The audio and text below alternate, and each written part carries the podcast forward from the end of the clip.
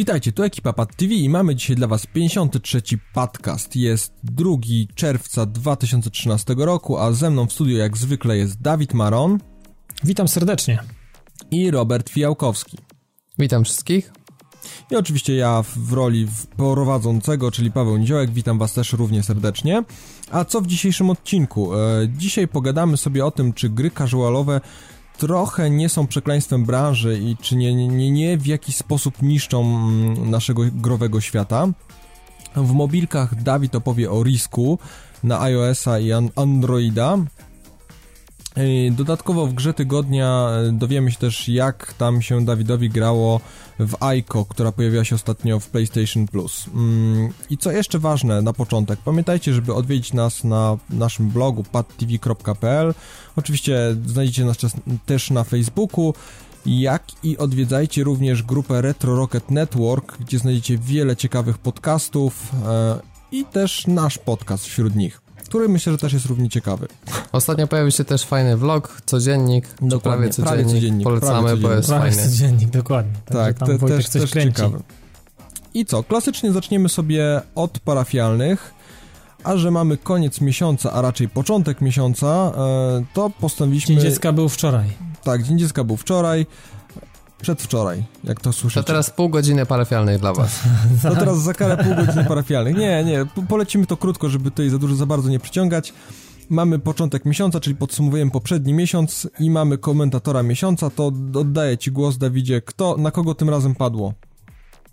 Padło tak naprawdę rzutem na taśmę, bo e, i przyglądałem się przez weekend dokładnie, no zresztą w ogóle masę komentarzy, szczególnie po tak, tym... ponad po, 100 po, po... w zeszłym tygodniu, dzięki wielkie, prawda, niesamowite. Tak, w ogóle przebijanie się przez to, no było przyjemnością, ale też zajmowało odpowiednio mm, dużo czasu, ale to jak e, można, można tak powiedzieć, wbił się i rzutem na taśmę e, wpadł e, Patryk Bijak ze swoim komentarzem pod właśnie podcastem urodzinowym i bez, bez żadnych specjalnie nawet y, negocjacji z chłopakami stwierdziliśmy, że no zdecydowanie Rozwalił pobił, po, pobił, pobił wszystko, pobił wszystkich, po, po, porozwalał nas, porozkładał tak, nas na łopatki. Mieliśmy nie ulegać, wiesz, jakimś super maślanym pochwałom, ale tutaj jesteśmy rozłożeni na łopatki i...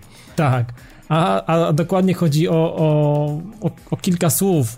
Chodziło dokładnie, że na każdy, że Patryk napisał tak, że na każdy nowy odcinek czeka jak na nowy odcinek Gry o Tron, więc no jest to, jest to dla nas niewątpliwie gruby, duży komplement i uważam, że mm, za, za te słowa e, no należy ci się e, tak, a, a, że wygrana w konkursie byłaby może nieco, nieco bardziej kontrowersyjna, no to jakby doceniamy cię, e, bo też to nie jest pierwszy komentarz, żeby ktoś nie miał wątpliwości. Nie, no oczywiście, oczywiście. Więc y, jest uhonorowanie w postaci właśnie naszej padowej główki. Także oby tak dalej i tyle Dokładnie, powodzenia więc, od więc nas. Wiesz, wiesz, wiesz, z czym się wiąże e, ta nagroda, więc jeżeli znajdziesz w swoich odmętach dysku twardego jakieś ciekawe zdjęcie, które możemy zobaczyć, albo szczególnie Paweł, nad którym będzie musiał opracować, to przeciw Pawłowi na nizi małpa.padtv.pl i on będzie wiedział, co z tym dalej Dokładnie, zrobić. Tak. Po, po, poproszę zdjęcie takie am, am, pas, żeby było, żeby tak, było łatwiej. Tak, tak, jak do kronik y, policyjnych. Kryminalnych, dokładnie. Tak. Profili nie potrzebuje. Tak, także, także, także no, to zresztą dobrze, wie, dobrze wiesz, bo nie jesteś z nami od, od wczoraj, nie od dziś, także dobrze wiesz, co trzeba zrobić, więc Paweł czeka na fotkę od ciebie, a nagroda przyjdzie tą samą, tą samą drogą, tą samą mm, pocztą, więc, więc tyle, w, tyle w temacie. Dokładnie. Kolejna ważna informacja, jeżeli chodzi o parafialne, to zapewne zauważyliście, jak to wyglądało w zeszłym tygodniu. Staramy się i, i, bardzo mocno nad tym pracujemy, żeby każdego dnia na blogu w okolicach południa, w blogu i, i, grupie naszej, naszej facebookowej pojawiały się jakieś nowe rzeczy. I tutaj jest jakby cała rozpiska. Tu nie, nie będę każdemu przypominał. Ci, co, mm, co, co nas śledzą, to zapewne wiedzą, co, co każdego dnia mniej więcej się pokazuje. E, w każdym razie, co jest ważne, że w samo południe na naszym blogu codziennie coś się będzie działo, będziemy bardzo mocno nad tym pracowali, więc jeżeli jesteście... Tak, jesteście... czasami, żebyście nas nie powiesili jak będzie 12.05, bo czasami Gdzieś są... tam jest obsuwa parę minut, no. Tak, ale No będziemy tak, się ale starali taki coraz bliżej tej godziny zero, w tym naszym przypadku 12, e, dawać radę. Taki pojedynek rewolwerowców w samo południe. Dokładnie tak. E, I co? I może teraz e, po, powiemy e, o trochę Znaczy, o wiesz co, konkursie, ja jeszcze tylko, tak? ja, no? wiesz, dobra, tylko jeszcze to o konkurs ok, ale chciałem powiedzieć, że że to, że nasza grupa na Facebooku jest zamknięta, to, to nie oznacza, że ona jest zamknięta i w ogóle nic nowego się nie może pojawić. I żadna osoba, jeżeli, jeżeli są osoby, które, które chcą poczytać inne rzeczy, którymi się nie chwalimy, mogą spokojnie wysyłać za zaproszenia i takie zaproszenia my będziemy akceptować. Po prostu nie ma teraz e, takiej wolnej Amerykanki, która była wcześniej, że mógł wejść sobie każdy.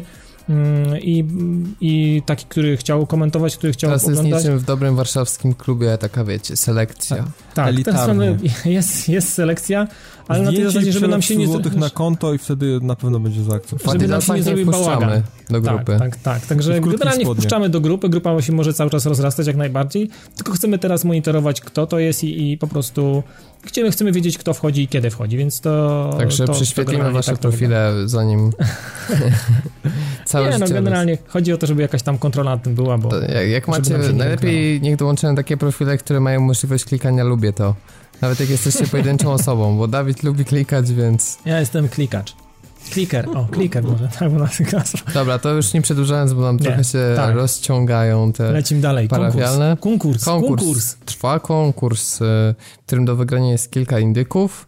Y, Nie będę wam mówił jakie, ci co już, że tak powiem, byli bardziej aktywni to wiedzą. Sprawa jest prosta. Pod wpisem urodzinowym, gdzie jest specjalny urodzinowy podcast, który y, przesłuchajcie, jeśli chcecie poznać dodatkowe informacje, y, wystarczy napisać komentarz, który daje nam jakieś sugestie, jest jakąś krytyką tego, co robimy źle, tego, co robimy dobrze, tego, co w przyszłości możemy robić lepiej. Po prostu zostawić komentarz i my do czwartku e, wybierzemy osoby, które naszym zdaniem napisały najciekawsze sugestie, do których prawdopodobnie się dostosujemy. Macie czas właśnie do czwartku, do 23.59. No i, i potem wybierzemy zwycięzców. W sumie tyle. I tyle w temacie. Dokładnie. E, Kolejna rzecz, to znowu ode mnie, ale tak króciuteńko, że króciuteńko. Mhm. Mm, 12 czerwca e, we Warszawie, we wsi Warszawa, odbędzie się takie, takie małe spotkanko. Jest Na to lewo spotkanko, stodołą. Tak, znaczy nie, no to jest przy, przy, przy tym, przy Teatrze Wielkim, więc to jest bardzo, bardzo, że w centrum. E, Centralnie w centrum. tak. W knajpie, która się nazywa Level Up, będą się organizowały co jakiś czas cyklicznie takie spotkania e, graczy i ludzi, którzy są też po drugiej stronie tej barykady, którzy tworzą, tworzą te gry czasami albo mają coś wspólnego e, z grami podczas ich e, tworzenia. Więc e, coś takiego pilotażowego odbędzie się 12 czerwca o godzinie 20. Więc jeżeli ktoś ma ochotę wpaść, no to ja zapraszam w, w imieniu Michała Wiczbickiego, który organizuje, organizuje ten temat i, i miejmy nadzieję, że, że ta inicjatywa jest całkiem fajna i nie umrze i że będą to ciekawe spotkania cyklicznie. Właśnie, właśnie chodzi o to, żeby to były cykliczne, żeby co jakieś dwa tygodnie, co dwa, trzy tygodnie spotkać się, pogadać sobie na spokojnie o, o świecie gier wideo, o tym jak, jak to wygląda. Więc wydaje mi się, że to jest ciekawa, ciekawa inicjatywa i, i warto, warto z tego skorzystać. Także tyle ode mnie jeszcze na, na, to, na sam koniec. To ja tak dosłownie ostatnim słowem, e, dość istotna informacja a propos następnego podcastu, czyli co za tydzień, e, ponieważ z racji poniedziałkowych e, konferencji E3 postanowiliśmy nasz podcast przesunąć o jeden dzień i zrobić go taką bardziej naszą relacją, może nie na żywo, ale na świeżo po, po konferencjach e, wszystkich po kolei będziemy jakoś tam właśnie komentowali, jak to widzimy, co ciekawego widzieliśmy, mm, no i ogólnie nasze takie jakieś odczucia i przeżycia mm, na bieżąco po, po, po konferencjach, więc e, następny, czyli 54 podcast ukaże się we wtorek. To tak I będzie specjalny poświęcony w całości E E3. Wydaje mi się, że Dokładnie. to będzie najrozsądniejsze rozwiązanie, ponieważ będzie posłucha, jeżeli chodzi o jakieś newsy i tak, te, tego typu rzeczy w tym tygodniu, a i tak musielibyśmy bardzo dużo czasu poświęcić w przyszłym tygodniu na E3, więc to w jakiś sposób, e, no tutaj automatycznie... Mm, Okej. Znaczy, sorry, ale wiesz, 10 minut właśnie wybiło, tak jak powiedziałem, okej, na dobrze, dobrze, dobrze, Okej. dobrze. Wszyscy wiedzą, to jest Będziesz taki... Robert jest taki stoper. Okej. Subtelnie, subtelnie kazał mi, przerwał mi w połowie zdania, no ale no dobrze. Tak. To w takim razie, Robercie, oddaję Ci głos różności społeczności. Tak, też postaramy się nie przeciągać. Okej. Okay. Okej, okay. okay, świetnie. Wybrałem komentarz Piotrka Berenta, z którym muszę powiedzieć, nie do końca się zgadzam, ponieważ on na, trochę stanął w roli takiego adwokata diabła i chciał parę pozytywnych rzeczy, czy raczej skonfrontować tą krytykę dotyczącą Xboxa One. No i napisał, że y, to jest świetny pomysł, żeby y, Xbox One był jednym urządzeniem, w którym będzie można zastąpić kilka innych, więc całe funkcje telewizyjne i to wszystko w jedno. I że to jest taki trochę róg ala Smart TV. No i ja się tu nie zgodzę, dlatego że to owszem jest cały koncept all-in-one, ale trzeba to tak rozszerzyć o Kinecta, trzeba podłączyć dekoder, który notabene musi być współpracować, czyli musi mieć jakiś update softu i prawdopodobnie polskie dekodery będą traktować Xboxa jako piracką nagrywarę i od razu wywalą zabezpieczenia antypirackie. No pytanie, pytanie, bo Xbox ma, z tego co wiem, ma nie mieć e, opcji nagrywania e, sygnału. No właśnie więc... też z tego względu nie będzie tej opcji, plus, ale jest taka opcja, że wiesz, dekoder zidentyfikuje Xboxa One, który nie współpracuje, jako właśnie takie urządzenie do nagrywania. A może, może, może będzie dawał taki sygnał jak telewizor, prawda? Tylko to będzie... Nie może dawać, bo to tak, tak? nie jest. No, z może tego co słyszałem, tak? z tego co będzie... słyszałem, musi być specjalnie przemyślany dekoder do tego, żeby działać. Może to być albo aktualizacja softu, albo po prostu już dekoder, który jakby ma ma po prostu w pamięci to, że ten Xbox nie umożliwia takiej opcji i nie blokuje sygnału. No Więc to jest e, ciekawe, to... Bo, bo to jest kwestia tego HDCP, HDCP tak, tak, tak. To jest to tak prosta sprawa, że jak masz dekoder satelitarny i przełączysz na przykład na konsolę, to w tym momencie dekoder nie nadaje tego sygnału do telewizora. No Mimo, tak, że tak. teoretycznie mógłby, tylko telewizor go nie wyświetla, od razu mhm. wyskakuje zabezpieczenie HD, HDCP. Także wydaje mi się, że ok, koncept, ale tu kwestia wykonania. W naszych warunkach, gdzie nie będą działać aplikacje, to absolutnie Xbox nie jest w stanie zastąpić, mam wrażenie, żadnego urządzenia, a skoro ma też nie być specjalnie konsolą, no to hmm, tym bardziej jakoś, nie wiem, tracę zainteresowanie tym produktem. Więc już bez przedłużenia lecimy dalej. Okej, okay, e, ja w tym tygodniu wybrałem sobie Piotra Świerka, który właśnie pod moim vlogiem mm, fajnie skomentował, że też jak ja jest uzależniony od e, kolekcjonowania gier. E, no i właśnie mówi, że nawet nie swoje czuje się kupując używane gry. Lubi roz, rozdziewiczać egzemplarze, tak? Ściągać folię. No tu mam, mam dokładnie tak samo i, i jakby patrząc na, na, na tą całą taką wojnę E, jeżeli chodzi o, o, o DRM. Tu się zgadzam, że, że gracze nie powinni być karani w żaden sposób za to, że gdzieś tam te, te, te gry, nie wiem, są nieudane i oni chcą je sprzedać, czy w jakiś sposób po prostu chcą kupować więcej innych. E, dla mnie osobiście to, to nie jest problem, bo tak jak Piotrek generalnie kolekcjonuje, czy w takim stopniu, jak tam, na ile mi budżet, prawda, pozwala e, sobie kolekcjonuje, ale zazwyczaj preferuję nowe kopie i, i ten Ale ten wszystkie dźwięk... gry kupujesz premierowo? No bo chciałem zauważyć jedną nie, rzecz, nie że używki na przykład wpływają też na to, że szybciej tanieją gry nowe w folii, które jakby kupujesz po trzech po miesiącach czy po pół jasne, roku. Jasne, to ma, mam takie, taką obawę, że na przykład gdyby zabrakło, tak już hipotetycznie, kto by nie zrobił tego, to na przykład e, zanim e, z 250 by staniało do 100 zł, to myślę, że minąłby jednak rok. z rok, tak. A w tym przypadku myślisz, jak gra jest że nieudana... God War, że God of War staniał z racji właśnie takiego zalewu używek na rynku, czy raczej dlatego, że była tragiczna sprzedaż? God of War to chyba failował sprzedażowo i to grubo, skoro w Empiku Wiesz, tu, po 120 myślę, teraz myślę, że tu będą, myślę, że tu będą dwa czynniki wpływały. Jasne, że, że szybszy zalew rynku gier używanych mm, może w jakiś sposób wpływać na cenę i zmuszać e, sprzedających czy tam wydawców do obniżania cen. Ale zobaczymy jak to będzie. No tak jak mówię, po E3 myślę, że będziemy już wiedzieli dużo, dużo więcej na ten temat. A, ale tak jak mówię, z Piotrkiem się tutaj zgadzamy w pełni, kolekcjonowanie ma swój charakterystyczny klimat i, i, i, dla mnie, dla mnie, no ja nie potrafię sprzedawać swoich gier, mimo iż czasami jestem na nie zły, czy już się dawno temu przyszedłem, dalej trzymam i Ani jednej nie sprzedałeś, nawet największego gniota, na którym się Sprzeda zawiodłeś? Sprzedałem Borderlands, ale potem też kupiłem Borderlands znowu, więc to tak nie udało Ja powiem, się. że rzadko żałuję, ale ja żałuję, że opchnąłem Max Payne 3, bo ostatnio jakoś tak miałbym ochotę wrócić do tej gry. Ja nie sprzedałem chyba niczego. A czy sprzedałem.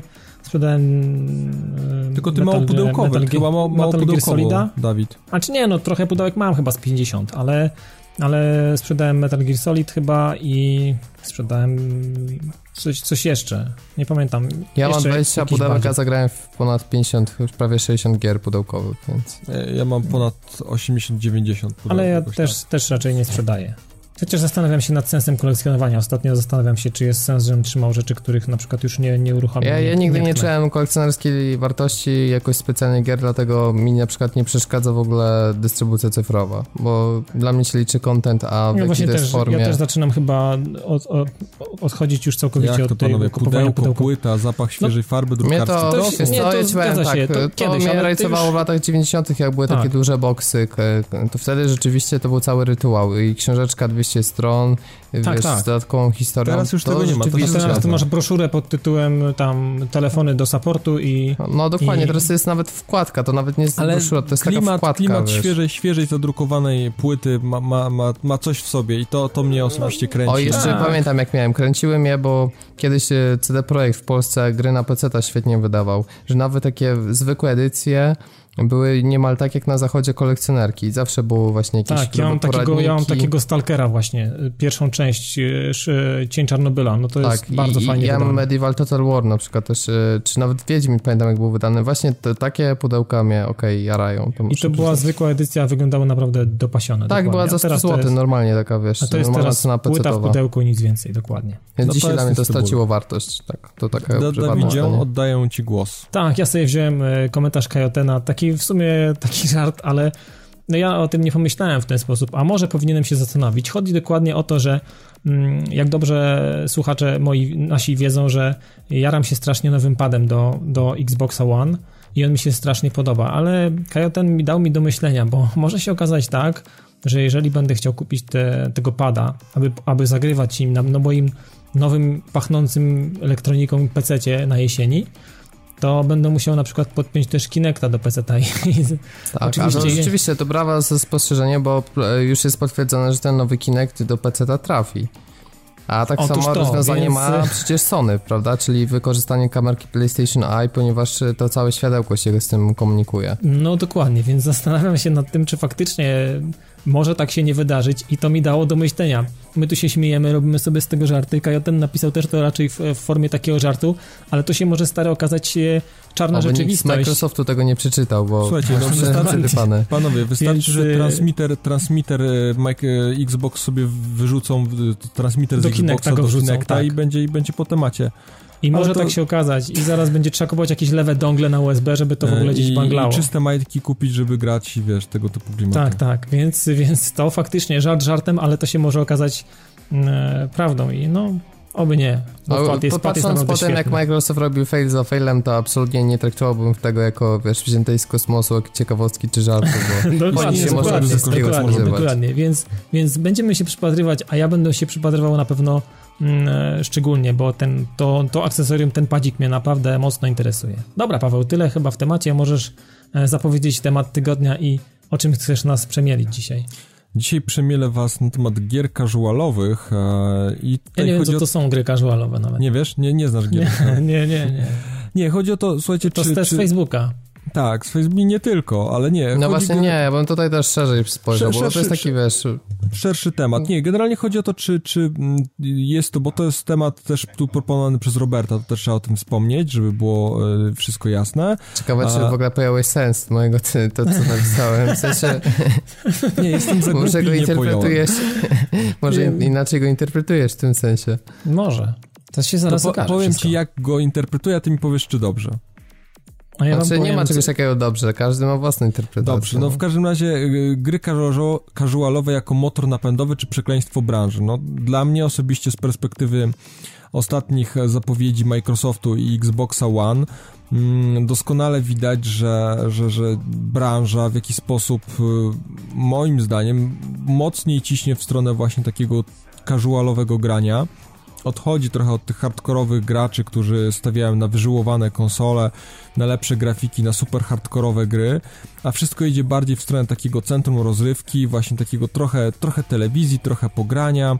Te gry jakby A ja, będą bym właśnie... z, a ja bym z tego nie wiązał, wiesz, dla, dlatego, Ale nie, że... ale daj, d, d, tylko daj mi skończyć myśl, wiesz, Niech myślę, że- dobrze. No. Znaczy nie, no to też takie moje przemyślenie trochę. Myślę, że w jakiś sposób Microsoft trochę zapatrzył się na, na, na Nintendo, w jaki sposób oni poszli w przypadku konsoli Wii, prawda? I jak tam ilość właśnie takich prostych gier, w jakich milionach sztuk to się sprzedawało, i myślę, że zapragnęli czegoś podobnego i uświadomili sobie, że wiesz, że, że super tytuły typu, nie wiem, ostatni Tomb Raider czy, czy, czy XCOM sprzedadzą się, to są bardzo dobre gry, prawda, ale w ich, post, w ich postrzeganiu jakby branży i zarobków to zaczynają być gry niszowe, bo oni wiedzą, że gry dla szerszych mas, dla osób, które chcą sobie poskakać i potańczyć przy, przy Kinekcie, sprzedadzą się dużo lepiej, więc jeżeli to No jest tak.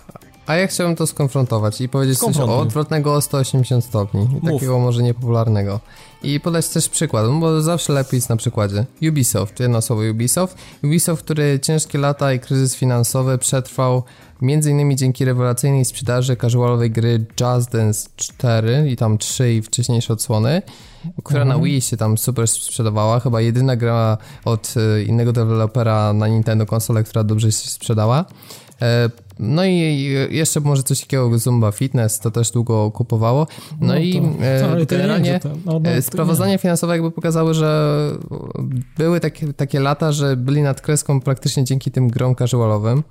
Ale mimo wszystko Ubisoft, no wiesz, okej, można narzekać, że trzepią Assassina za Assassinem, bo to im się też sprzedaje, ale wiesz, zainwestowali kupę siana chociażby w Watch Dogs, w nową technologię i część z tych pieniędzy, które zainwestowali, jakby nie patrzeć e, ze sprawozdań finansowych, pochodzi właśnie z gier casualowych. I w tym momencie, kiedy teraz nie sprzedają się e, gry, te AAA, te wielkie hity, takie oczywiście poza no, Call of Duty, FIFA, Assassin się sprzedają, ale mówię o innych dużych tytułach, to wielu wydawców właśnie dzięki temu, że jest ten rynek casualowych, może pozyskać te pieniądze z rynku i zainwestować je e, mimo wszystko dalej w te hardkorowe gry, bo to jest jakby ich oś biznesu i oni się starają przynajmniej. Gdyby tych gier casualowych zabrakło, myślę, że duża część firm, nawet takich hardkorowych, e, czy robiących hardkorowe gry miałaby spory problem. Taki mój pogląd. Znaczy nie, tu, tu, się, tu się z tobą nie sposób nie zgodzić, prawda, w, w, te, w tym w przypadku, tylko pytanie, mm, wiesz, no nie, nie każdy wydawca, nie, nie każda firma to jest y, Ubisoft, nie każdy będzie na to patrzył w ten sposób. Pytanie, wiesz, jak na temat, na, wiesz, nawet nie sam wydawca, ale nawet jak na to spojrzy w tym momencie Microsoft, czy w jakiś sposób nie zmieni swojego mm, kierunku o Tylko 180 wiesz, tylko wiesz co, bo to nie jest kwestia graczy casualowych, wydaje mi się, tylko właśnie nie graczy. To trudno mi obwiniać, to tak bardziej, to równie nie. dobrze mógłbyś obwiniać ludzi, że oglądają telewizję Nie, i Microsoft chodzi- się na nich nie- zapatrzył i dlatego robi nową konsolę. Nie, to nie jest obwinianie graczy. To, że wiesz, że gry są, wiesz, to gry casualowe to są gry, które są dostępne dla szerszego grona odbiorców. Jasne, prawda? Ale mi tylko chodzi o to, że te funkcje telewizyjne i ta cała toczka multimedia- multimedialna, to nie chodzi o to, że dlatego, że są casuale i oni chcą też mieć opcje do grania, tylko wydaje mi się, że to jest kwestia tego, że targetujemy nasz sprzęt nie tylko do graczy, tylko też do osób, które oglądają telewizję, do osób, które, Jasne. e, wiesz, chcą urządzenia, że sobie Netflix zestreamuje, Tak, jak tylko którzy że, chcą tylko że takie muzyki posłuchać. tylko taki Xbox One, myślę, że dużo bardziej przemawia do graczy casualowych niż do gości, którzy oczekują, że na przykład, nie wiem, najnowszy Battlefield 4 będzie działał w 60 klatkach. A wiesz co, wydaje mi się, że Xbox One nie przekonuje specjalnie graczy casualowych, dlatego że oni ma, mogą wystarczająco dobrze się bawić przy obecnym Xboxie z Kinectem, który będzie pewnie w momencie Ale premiery już chodzi? grubo ponad 1000 A zł wy, a tańszy. wy jesteście przekonani, że mm, taki termin jak gracz casualowy w ogóle istnieje teraz?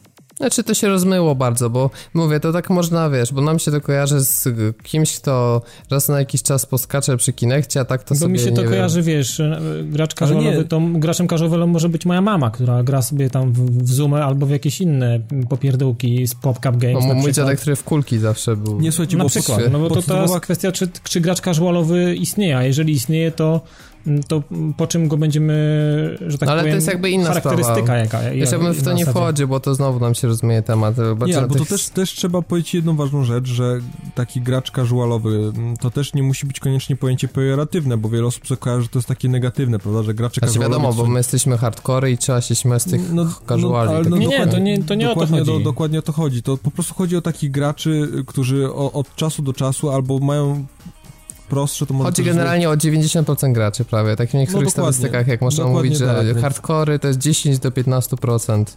e, No ale może się okazać, że na graczy. przykład ja nie jestem hardcorem. Wiesz, bo Jesteś. mo, może, Jesteś może na przykład, według takich- słuchaj, Ale to po czym to jest wiadomo? Skąd po wiadomo, tym- że ja na przykład nie jestem, może ja jestem na przykład tym motorem napędowym branży akurat. Nie, ty nie jesteś, ty jesteś ambasadorem polskiego podcastu. Nie, no to, ale, ale może się okazać, bo na przykład gram, gram mało albo gram, nie gram na Tak, przykład rzeczywiście 40 mało. godzin w A, miesiącu. Ajko przechodzisz w jednej e, sesji, to rzeczywiście jest casualowy mało, gracz. nie, w no. ogóle to nie wiesz, grasz. no to... Albo to gra, ale gra jest casualowa, więc... Ale nie słuchajcie, ale na, nawet popatrzcie, bo teraz No tak nie się zacząłem zastanawiać.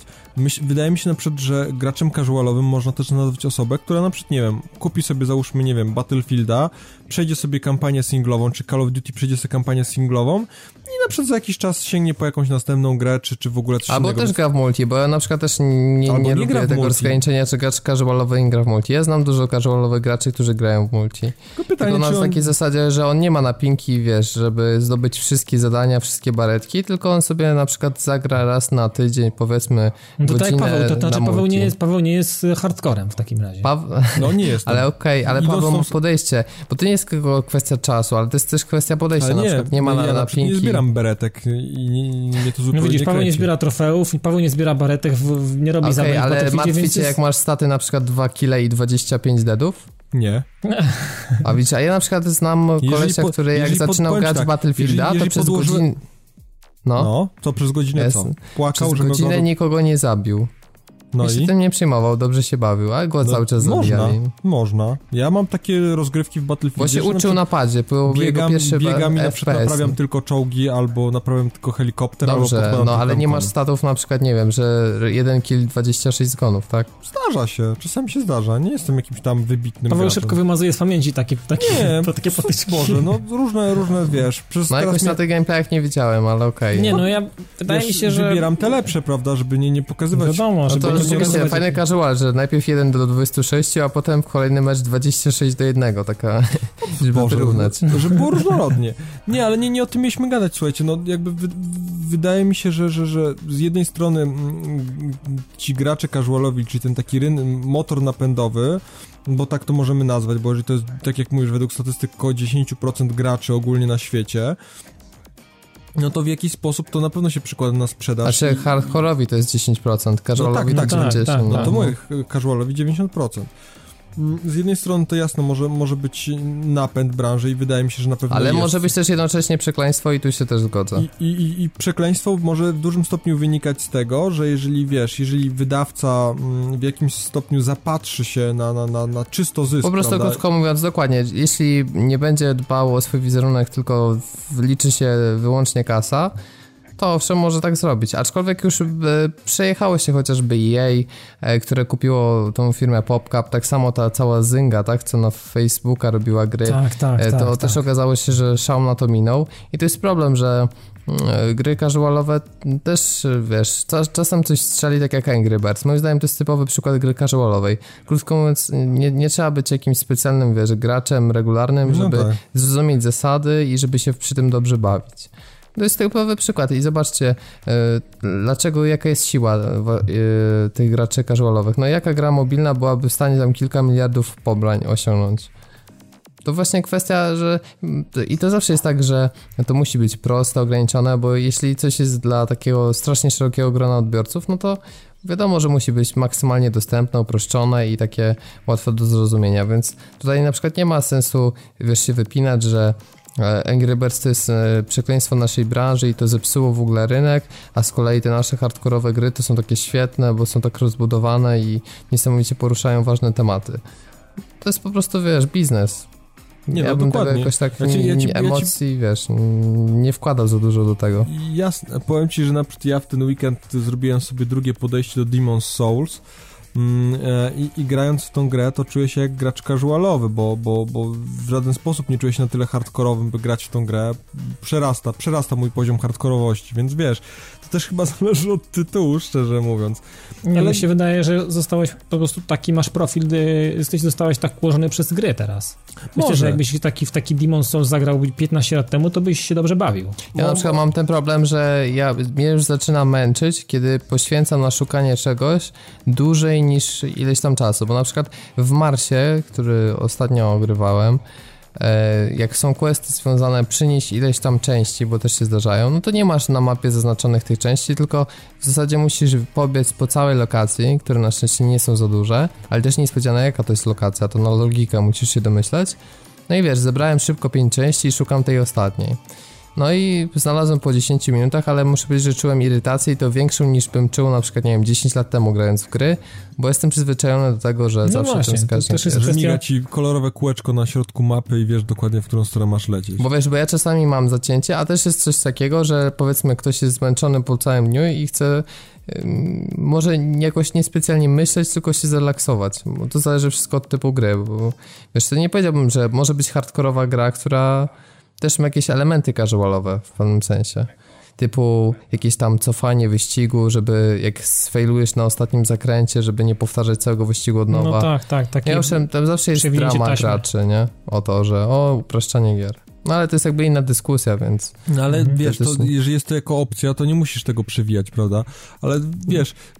Z, z, Ale już jest, No ale wiesz, spo, wie- powiedz, czy jesteś, e, bo ja się z tym spotkałem, ja jestem takim dosyć hardkorowym fanem wyścigów i e, naprawdę wiele różnych gieraczy staram się ogrywać na kierownicy, wgryzam się w model jazdy, wiesz, jeżdżę ileś tam okrążeń. No i była taka sytuacja, że na przykład, nie wiem, jechałem 20 okrążeń, na 19 wypadłem, no i co, i myślisz, że chciało mi się y, stwierdzić, okej, nie, będę hardkorowy, to jest łamanie moich zasad, przyjadę się 45 minut od nowa, co to dla mnie? Jest No opcja, tak, no tak. trudno, no cofnąłem i już, no i tyle.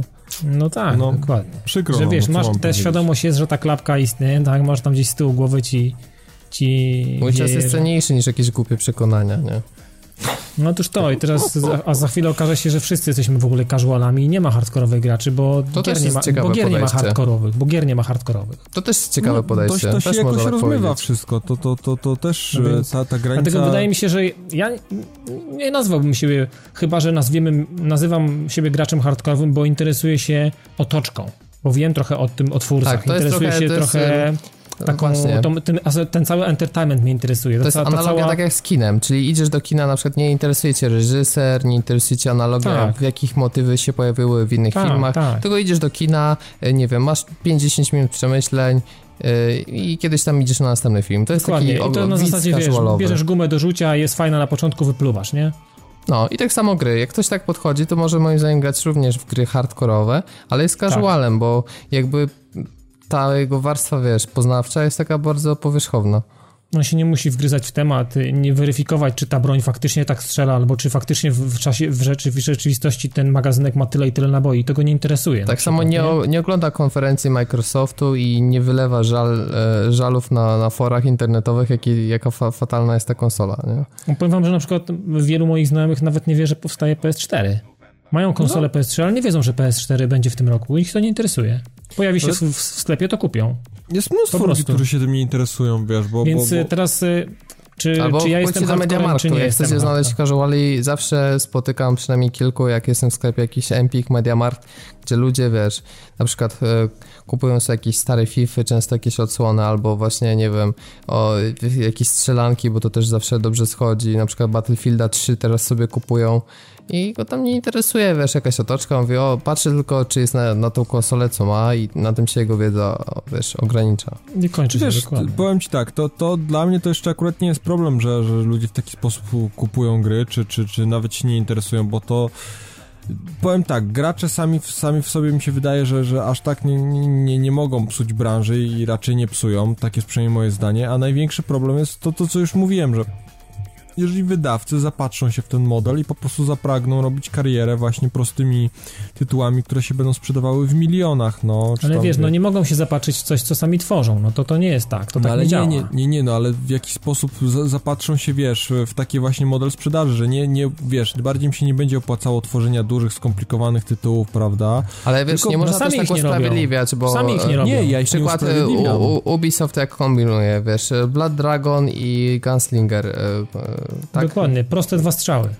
Dokładnie, czyli podejście takie, lecimy z punktem tam, nie wiem, 15 dolarów, to jest w Stanach, robimy grę na 8 godzin Ale nie, ja i nie dwa mówię, razy ale ja nie, sukces, ja recenzje nie wszystkie mówię, że to mówią. jest źle, ja mówię, że to jest bardzo dobrze, tylko chodzi Nie, o to, że, że wiesz, tylko że chodzi mi o to, że wiesz, ilość narzędzi jest bardzo duża, tylko kwestia, czy będą chcieli z tego skorzystać, bo łatwo jest powiedzieć, ok, przerzucamy się na gry na smartfony, ponieważ dwie nasze ostatnie produkcje się nie sprzedały. Tylko, że to jest moim zdaniem takie bardzo powierzchowne podejście, bo tak, dlaczego się nie sprzedały? Może były za drogie, może nie było marketingu, może gry były po prostu słabe, ale wiesz, i wtedy często pytanie, jest tak, że jest taki news, swojego błędu. Tak, a często jest taki news zrzucony i potem jest afera, no przez to, że te ludzie grają na tych smartfonach, to teraz nie będzie hardkorowych gier, Źli tylko będą pierdoły na, na komórki, nie? Tak, takiego podejścia nie można mieć, bo często po prostu to jest taka ucieczka firm, że okej, tu nam się nie udało, daliśmy dupy za przeproszeniem, to teraz będziemy wciskać kit casualą. I tutaj, wiesz, wina jest tylko i wyłącznie wydawców. Mnie na przykład, wiesz, absolutnie nie interesuje kto w co gra, jeśli mu to sprawia przyjemność, okej. A czy interesuje się bardziej powierzchownie grami, czy dogłębnie, to jest naprawdę, wiesz, każdego sprawa. Czy mi się wydaje, że wiesz, że najzdrowsze dla, dla, dla rynku growego i dla wszystkich graczy to będzie taka sytuacja, że będą powstawały takie i takie tytuły. Musi być, muszą być na rynku gry casualowe, które właśnie tak jak w przypadku Ubisoftu pozwalają kilka e, lat fiskalnych gdzieś tam przetrwać, bo na przykład w tym czasie produkują duży e, tytuł AAA właśnie dla tych graczy bardziej hardkorowych. I, i No nie tak- mów mi na przykład, że kod jest hardkorowy na przykład. Tworzenie gry takiej jak kod jest, jest, jest dla hardkorów. Nie jest dla hardkorów. No, Battlefield też nie jest ko- dla hardkorów. A dla kogo jest, przepraszam, Battlefield? Dla normalnych graczy nie ma czegoś. Dla mnie Myślisz, nie ma czegoś. normalnych? Myślę, że dla casuala. Zdecydowanie Dla mnie. większość e, nabywców Battlefielda i Call of Duty to są casuale. Tak, Tak mi się jestem wydaje. przekonany. Ja też mi się Trudno, tak wydaje. trudno to tak jednoznacznie powiedzieć, szczerze Ale mówiąc. zobacz, bo- dlaczego? Ale wiesz dlaczego? Bo zobacz, 15% Mhm. hardcory, e, 85 załóżmy casuale. E, Te gry Mhm. schodzą w nakładzie po, powyżej nawet 20 milionów. Tak samo FIFA. I jedyny sposób taki, że te gry nie sprzedają się tak jak na przykład typowo hardkorowe gry 3 do 5 milionów, tylko wchodzą w pułap 20, jest taki, że kupuje je te 15 milionów casuali. Tak jest dla moja Nie no, sprawa. powiem tak, tak, tak, tak wygląda. Wiesz co, to są, to są gry, myślę, które docierają do tych i do tych osób, bo zawsze mi się wydaje, że właśnie w przypadku Call of Duty i Battlefielda ten aspekt, y, czy tam nawet Crysisa, czy innych gier, które właśnie są takimi grami łączącymi aspekt single player, multiplayer, e, to ten aspekt multiplayer jest przeznaczony dla tych bardziej graczy, którzy się wczuwają, a, a single player jest dla tych graczy, którzy się mniej wczuwają. Znam Może osoby, być okej, ale to jest osoby- gra No, ja się na przykład z tym nie zgodzę. Ale Przykład nie, no, FIFA, chociażby PES. No, no dobrze, No, tylko ale Ja skończ- mogę też grać i mogą grać goście, którzy robią cuda w tej Jasne, grze. nie, z, tylko z, jest sytuacja tego typu, że wiesz, że, że większość graczy tych takich podchodzących do tematu lightowo bardzo, no to to są gracze, którzy kupią Battlefielda czy Call of Duty, bo Call of Duty ma fajną taką kampanię, prawda, Nie, moim zdaniem to się nie zgodzę. Nie. Bardzo dużo casuali też próbuje w multi i sobie spokojnie pykają bez napinki. Ja, tak No, jest moje zdanie. to- Aczkolwiek rzeczywiście nie wszyscy, bo jak się spojrzy na statystyki, na przykład sprzedaje się kod, nie wiem, 20 milionów, a jest aktualnie online codziennie, nie wiem, 300 tysięcy ludzi, tak? To jest mała część, mały procent. Dla, Mhm. dlatego, To są te rzeczywiście hardcory. Ale Dlatego- to szczególnie widać y, na przykład, nie wiem, dwa lata po premierze, czy półtora roku po premierze. W Battlefielda 3 grają teraz głównie hardcory, które się, To wiesz... jest racja. To jest, to jest prawda, że grają głównie gracze i jak się pojawiają jakieś tam większe wyprzedaże, czy promocje, czy, czy sytuacje, to widać jakieś tam dopływy, prawda? Jakiś sklep rzuca większą promocję na Battlefielda trójkę, czy jest jakaś większa informacja na temat Battlefielda czwórki, to nagle większa liczba graczy pojawia się na Battlefieldzie trójce. Są jakieś takie fale, prawda? Można gdzieś to wyłapać. Ale ja tak, no osobiście... premium jest też raczej dla hardkorów, załóżmy, nie? I dlatego sprzedało się, nie wiem, 2,5-3 miliony tego, a nie na przykład 10.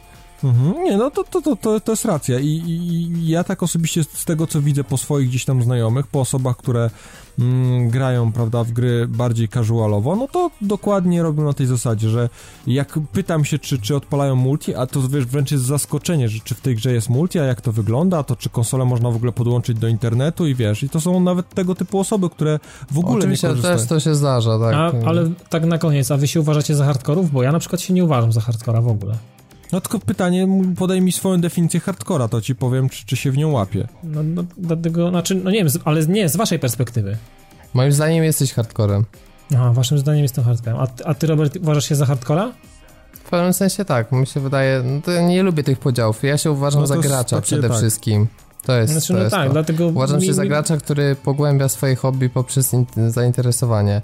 Natomiast Jeżeli- mi się jeśli wydaje, to jest że- definicja hardkorowości, no to okej, aczkolwiek nigdy nie słyszałem jakiejś takiej Znaczy fajnej ja myślę, myślę słuchajcie, że, że wszyscy w Ja uważam się za hardcora tylko i wyłącznie dlatego, że interesuję się tym, co otacza jeszcze gry. Nie No przez i- to, w i- jakie gry gram, albo w to, jak w nie długo gram, albo jak w nie gram, albo jaki ja nie jestem dobry. Myślę, uważam, że myślę, że wiesz, że... hardcore że... we mnie jest przez to, że interesuję się otoczką całą tą i przez to, przez to uważam, no, że ja za też się zgodził z tym. I, tu, I to twierdzenie jest akurat dobre, bo, bo w- gracze, w- myślę, że gracze hardkorowi to są gracze, którzy dużo bardziej znają się na branży, wiedzą jak to działa, no bo się w jakiś sposób interesują i wszyscy w trójkę gdzieś tam e, ten temat e, zgłębiamy, śledzimy, patrzymy co się dzieje.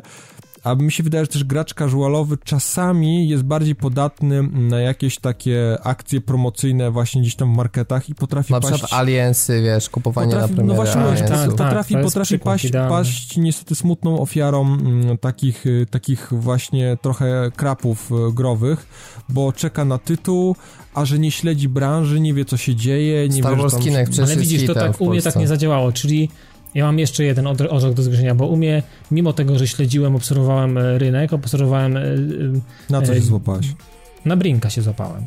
Mimo, że nie powinienem się złapać, bo to gówno prze, przepastne jest, a okazało się, że dałem się złapać co, jak Kowalski z, do worka. Z, z, Brinkiem, z Brinkiem był problem, że to tak zaraz po premierze, wiesz, pewnie kupiłeś w dniu premiery, tak? No Czy- oczywiście, czy- tak, tak, tak. No, tak. wiesz, a to... Ale generalnie gra jest gówniana, nie da się w nią grać. No, ale tam jest problem z tym koopem największy niestety w Brinku. Pomijam no. koop, ten single nawet jest niegrywalny, nie da No się bo- grać tego No bo single z, z trzema głupimi... Tak ja wiem, no bo to jest single jest Okej, z ale botami, to no, ale się, że to nie tylko casuale mogą się załapać, wiesz, w Ale nie no, marketingową, ka- bo to myślę, jest tak każdy, każdy, przygotowane. każdy załapie, załapie czasami takiego krapika i, i na to nic nie poradzimy. No Ale powiedz, chodzi- ty Paweł jesteś specyficznym przypadkiem, bo niby hardkorowo interesujesz się, ale obecnie masz, e, można powiedzieć, e, tak czasowo to jesteś takim casualem mocno, jeśli No, chodzi o czas Tak można poświęcany na gry. tak, jasne. Mam, mam generalnie tego czasu bardzo mało, ale wiesz, y, jak tylko mam możliwość, codziennie śledzę, jakby, mimo już gram w jakiś sposób teraz mniej, no bo, bo mój czas na, na tyle, na ile mogę, pozwala mi. E, Ale gdzieś cały czas śledzę, interesuję się tym, wiem co się dzieje, oglądam konferencje, wiesz, jakby analizuję co się dzieje i szykuję sobie gdzieś tam te okno czasowe, jak wyjdzie teraz mm, PS4, wyjdzie sobie Killzone 4, to myślę, że w tym momencie gdzieś tam będę sobie starał jakoś ten czas tak poukładać, żeby móc wtedy bardziej przysiąść. Czy Battlefield 4, no to są rzeczy, na które teraz czekam. Teraz czekam na Last, The Last of Us, prawda? I, I jak wyjdzie ten tytuł, to myślę, że jakoś tak intensywniej wtedy przysiądę. No teraz nie ma też takiego mm, nic, e, przynajmniej nic nie powłaziło teraz takiego, co ja mam akurat w swojej bibliotece, co mógłbym ogrywać. Więc, więc No tak, też... ale to z takiej, z takiej perspektywy hardcore sięga po starsze tytuły, nie? Albo gra w rzeczy, które ma zaległości, próbuje Wiesz, no, nadrobić si- tylko Sięgam sobie, jasne. Tylko wiesz, to też, to też jest na tej zasadzie, że czasami, czasami masz po prostu taką sytuację, że masz e, ochotę na, na jakiś, prawda, tytuł, e, masz, e, nie wiem, chrapkę na jakiś konkretny gatunek, czy nawet, nie wiem, oglądając te zapowiedzi, czy tam ob obserwując jakieś informacje na temat The Last of Us, masz ochotę na zagrać po prostu w ten konkretny tytuł i sięganie po jakieś starsze, wiedząc, że tam na przykład za tydzień czy półtorej będziesz musiał się w, w, przesiąść, prawda, na inny tytuł, więc też nie ma sensu czasami. I Jedna No, tak, taki- no jeżeli to wiesz, wiesz, że to ryzyko zazębienia się będzie, jest wysokie. Dokładnie. nie dasz rady nie wyrobić się z się jakoś tam strasznie no tak, mocno no to- nic no teraz na, w tym momencie. Więc ja sobie teraz trochę gdzieś tam o, o, odpuściłem takie mocne ciśnienie na, na, na gry, bo, bo, bo mam gdzieś kupę innych rzeczy na głowie. Czekam na te tytuły, które będą wychodziły e, i, i po prostu w ten sposób gdzieś tam sobie to rozwiązuję. Ale branżę i wszystko śledzę cały czas na bieżąco, codziennie wiem, co się dzieje, wszystkie newsy jakby mm, się orientuję, więc, więc wydaje mi się, że gdzieś tam w tym kręgu tej w cudzysłowie hardkorowości pozostaje, ale tak jak mówię, to jest wszystko gdzieś bardzo mocno względem, no bo jeden się może czuć bardziej, drugi mniej.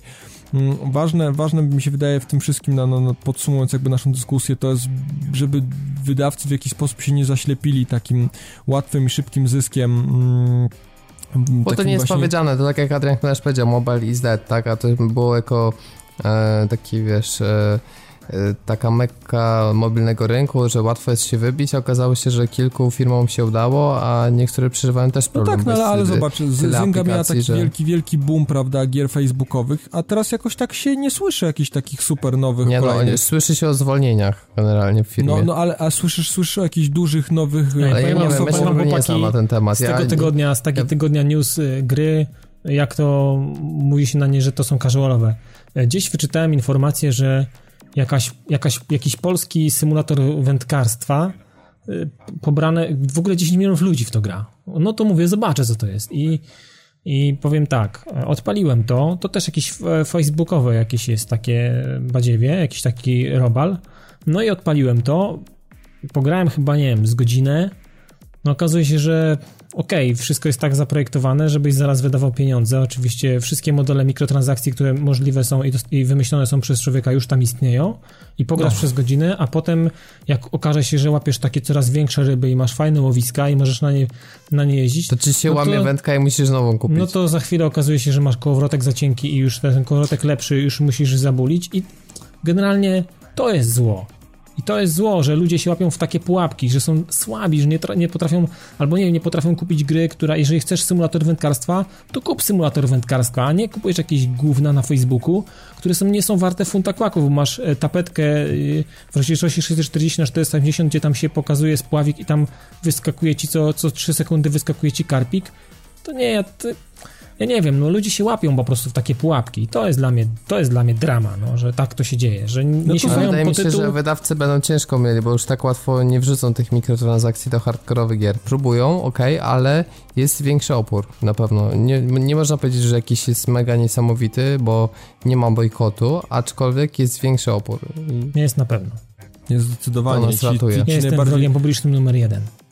Ale wiesz, do, tak jak co, co ja zawsze powtarzam, dopóty, dopóki nie musimy płacić, to, to, to ja nie mam nic przeciwko. Niech będą to sobie... To też, Paweł, dla mnie nie jest argument. Dopóki Dlaczego? balans nie jest zachwiany, to jest no, okej. Okay.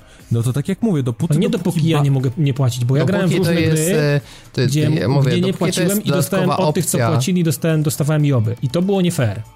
Tak, jeśli to jest pay to win, no to ja mówię nie. Nie, no to pay Jeżeli... to win, to ja tak, tak samo jestem przeciwny, ale dopóty, dopóki kupujesz sobie, wiesz, nawet jak sobie kupi jakąś pukawkę, nie wiem, 5 leveli wcześniej, ale ty też masz możliwość odblokowania tego karabinu, grając sobie normalnie, to ja nie mam przeciwko. Okay, to akceptuję, biega, to akceptuję, niech sobie biega bo tu można, tu można, tu można taki limit. To, to, już, to można pokonać takiego gracza doświadczeniem albo czymś innym, więc to no nie jest ładnie, więc casual. Aczkolwiek, ale czekajcie, już nie, nie wchodźmy może znowu, bo już w sumie gadaliśmy kiedyś na ten temat. Nie, jasne, jasne. Nie, nie, w sensie, no, no, jakby podsumujmy już powoli okay. tematy, bo ja wiem, okay. do czego zmierza, że chciałeś powiedzieć, że e, i tak casual w tych rękach nie będzie, nie skorzysta z tej opcji, nie pokona hardcora i tak dalej. Znaczy to nie, wszystko... to nie, nie, nie, też nie Myślę, że ma to... możliwość. To kwestia, kwestia na jakiego to trafi. Tak Myślę, że wydaje, że już powoli newsy. I, ty, co, i tym tak... optymistycznym akcentem tak. Robert dzisiaj ma jakieś straszne ciśnienia czasowe.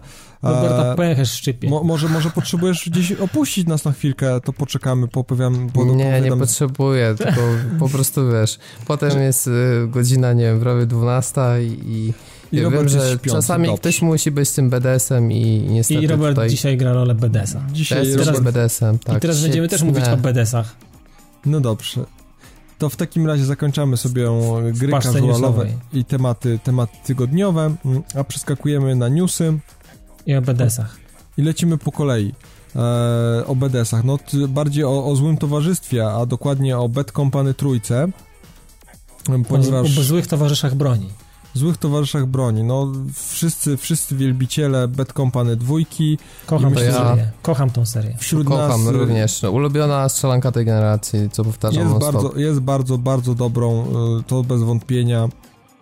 Też zalicza się do ścisłej czołówki moich ulubionych. E, no, mianowicie kwestia jest tego typu, że wielu graczy dziś tam spekuluje, czy pojawi się ta trójka, kiedy się pojawi, jak to wygląda. Szczególnie w mm. obliczu tego, że ten medal przestanie wychodzić. Tak. Nie wiadomo, więc, jaka więc... gra będzie sztandarową strzelanką drugą jej, tak na przemian z, e, wiesz, czwórką Battlefielda, nie? Dokładnie. Mm, więc, więc w jaki sposób tutaj mm, są różne spekulacje, głosy. Wiele osób podejrzewało, że może być to Battlefield właśnie Bad Company e, 3. No i na pytanie jednego z użytkowników na Twitterze, mm, na oficjalnym koncie Battlefielda mm, twitterowym pojawiła się odpowiedź, że mm, bardzo kochają serię Bad Company, ale nie mają w tym momencie nic w, jakby w aktywnej fazie powstawania. Mm, i że Battlefield Nawet 4... tak jakby to zasugerowane, że nawet w preprodukcji tak w ogóle no nie, się no, tym nie zajmują. I, po prostu. I, znaczy w ogóle temat, temat leży, temat leży Temat w ogóle nie jest, nie jest, nie jest tak. w ogóle analizowany i nie jest w ogóle aktywny w, żadne, w żadnej formie. Mm, przynajmniej tak to można y, interpretować. A jest dopisane na koniec, że Battlefield 4 jest ich teraz najważniejszym no. takim jakby no, produktem na ten rok i na nim się będą tutaj mocno koncentrowali z jednej strony jasne, to, to dobrze, żeby, żeby, żeby to w jakiś sposób e, się kręciło i w ogóle. Nawet teraz DICE przecież otworzył nowe studio w Los Angeles, tak? Dobrze pamiętam? W Los Angeles. Tak. I oni też mają się koncentrować właśnie na Battlefieldzie 4, więc gdzieś tam to będą mocno dywersyfikowali. Mam nadzieję, że nie pociągną w takim kierunku, że ten Battlefield będzie się ukazywał co roku. Nie zdziwiłbym się, ale pewnie jeszcze DLC, to dziękujemy y, rozszerzeniom płatnym, bo pewnie w ich tempie wydawania DLC-ków, tak jak do trójki, to nie będą mogli w stanie, nie, nie będą byli w stanie, y, wiesz, y, Znaczy, wydać tak, kolejnej gry ja, po 12 ja, ja, ja nie mam nic przeciwko, żeby robili DLC, o ile to DLC będzie trzymało poziom, prawda? Jeżeli, I żeby nie robili tak jak w przypadku Battlefielda trójki, że musieliśmy czekać ile chyba pół roku, tak? Żeby wyszło pierwsze No. Bo D, potem DLC. znowu była długa przerwa, to było w ogóle koszmarne. No, z tym, z tym Znaczy oni problem. zrobili błąd z tym karkandem, jakby karkan to później dla, dla elitowców albo dla preorderowców, nie wiem, o miesiąc albo dwa, to by trochę się inaczej rozłożyło, potem dla wszystkich, bo dostępne Nie, trochę bo później. ta przerwa między Close Quarters a Karkandem była naprawdę du duża. No oni tam, wiesz, oni musieli patchować grę, więc mieli co robić, tak. Tak, no w ramach tego dostawaliśmy co, co miesiąc półtora gigabajta Dokładnie. danych z Co miesiąc był darmo. i w czerwcu dopiero naprawiony VoIP po, No, sześciu, po dziewięciu każdy- miesiącach. W każdym razie, panowie, no niestety nie doczekamy się w najbliższym czasie mm, Bad Company E, trójki. No niestety jej się nie doczeka w najbliższym czasie zakupu Battlefielda przeze mnie. Tak? Mówisz, No. aż, tak, aż tak polecisz? Ja też nie kupuję. Nie, też, no, no. ja nie czuję potrzeby kupowania czwórki, powiem szczerze. Nie, ja też nie. Za, za, za mały jakby progres jest. Ale nie Mhm. wiesz, jaki jest progres, ni, nic nie pokazali, a ty Nie, ale nie, nie wiem, ale nie czuję To, tego to, po jest, prostu. to jest ten sam military shooter dla mnie, co było. No, ale ja myślę, ja, nie ja chcę wiesz- czegoś innego. Ja chciałem zmienić, zmienić przede wszystkim konflikt, Tak, druga inne czasy, światowa. Cold War, druga wojna światowa. No przecież tych Jakby- konfliktów jak- było tony. Mówiliśmy o tym na, już na, drugą, tony. na drugą wojnę światową było tak mało. No dobra, nieważne, nie będziemy gadali w tym momencie o tym. Tak Dwa. siak nie, no ale mówię, no, Dwa. ja jestem zmęczony strzelankami, więc jakby jak będzie premiera Bad Company, to z racji jakby Jasne. Wielkiej miłości do tej podserii, czy jakkolwiek tam nazwać, e, No to to się zainteresuje. A teraz w ramach zmęczenia Battlefield 4 trafia na takie właśnie moje już wiesz, po wyżyłowaniu się FPS-owym i No, muszę no, takie katarzis przejść i wiesz i Wewnętrzne zlać. Battlefielda 4 i Dokładnie. nie kupić. No dobra, panowie, to w takim razie y, myślę, że tyle w temacie Battlefielda, Bad Company 3 i nienawiści do EA. E, Przejdziemy sobie mm, do kolejnego newsa, mm, a mianowicie Double Fine znowu na Kickstarterze. No tutaj możemy udawać bardzo zaskoczonych, tak? Tak, tak, Nie tak taki udawać, sam nie patent jak z. In Exile, którzy najpierw wyskoczyli z Wasteland, a potem chcieli kasę na Tormenta. Krótko mówiąc tak, kończy nam się pieniądze, przeżaliśmy wszystko z pierwszej zbiórki na Kickstarterze, no to udajemy, że robimy coś nowego i pompujemy kasę. Nie, mi się takie rzeczy już nie podobają Gra, bardzo. gra, się, gra, uważam, że... gra się nazywa Massive Chalice i ma być e, tytułem coś w stylu, w stylu single player turn-based tactic game, czyli tak jak tutaj właśnie przed podcastem sobie powiedzieliśmy, coś w stylu trochę X-komowym, nie, nie, nie wiem dokładnie jak to będzie wyglądało, bo to jest na razie tylko opis, prawda, i parę jakichś nawet konceptów, chyba nie ma ani jednego nawet screena. Setting fantazy, połączone takie walka turowa, generalnie strategia, no to, to, są takie podstawowe założenia. Nie No mamy i- gameplaya, więc I będzie, nie będzie robiony na ich Buddach Engine, czyli to te, te same gry co The Cave, Brutal Legend, Costume Quest, Iron Brigade Stacking. i Stacking. Tak, to jest dokładnie, dokładnie te, ta, ta sama puła e, i, i Może na się tym, spodobać jakby podobnej stylistyki, myślę, przez to.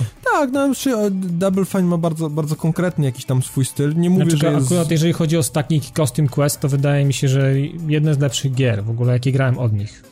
Nie, no ale The Cave to Ja jest się bardzo zawiodłem trzyma bardzo poziom. mocno na stacking. Do The Cave akurat mi nie podeszło tak bardzo, jak Mi- na przykład Stacking samo nie Stacking. podeszło. Stacking, Ja- stacking nie- jest dla mnie po prostu fenomenalnym, Nie, czymś, czymś ja, wyjątkowym. ja na przykład uważam, że nudziłem się już pod koniec i widzisz, ten ja byłem na był tyle fajny głupi, na pół godziny. Zaraz jak byłem na tyle w, zwariowany na punkcie tej gry, że jak wyszło DLC, to wciągnąłem od razu i... o A ja omijałem, bo już po prostu tak męczyłem się pod koniec tak, gry. Fenomenalny tytuł dla mnie. No ale to właśnie, no, to jest, to jest, to jest Znaczy, fajnie, że potrafią był tak świetny, robić. bo mnie też zaintrygował, aczkolwiek moim zdaniem to nie było aż tak mocne.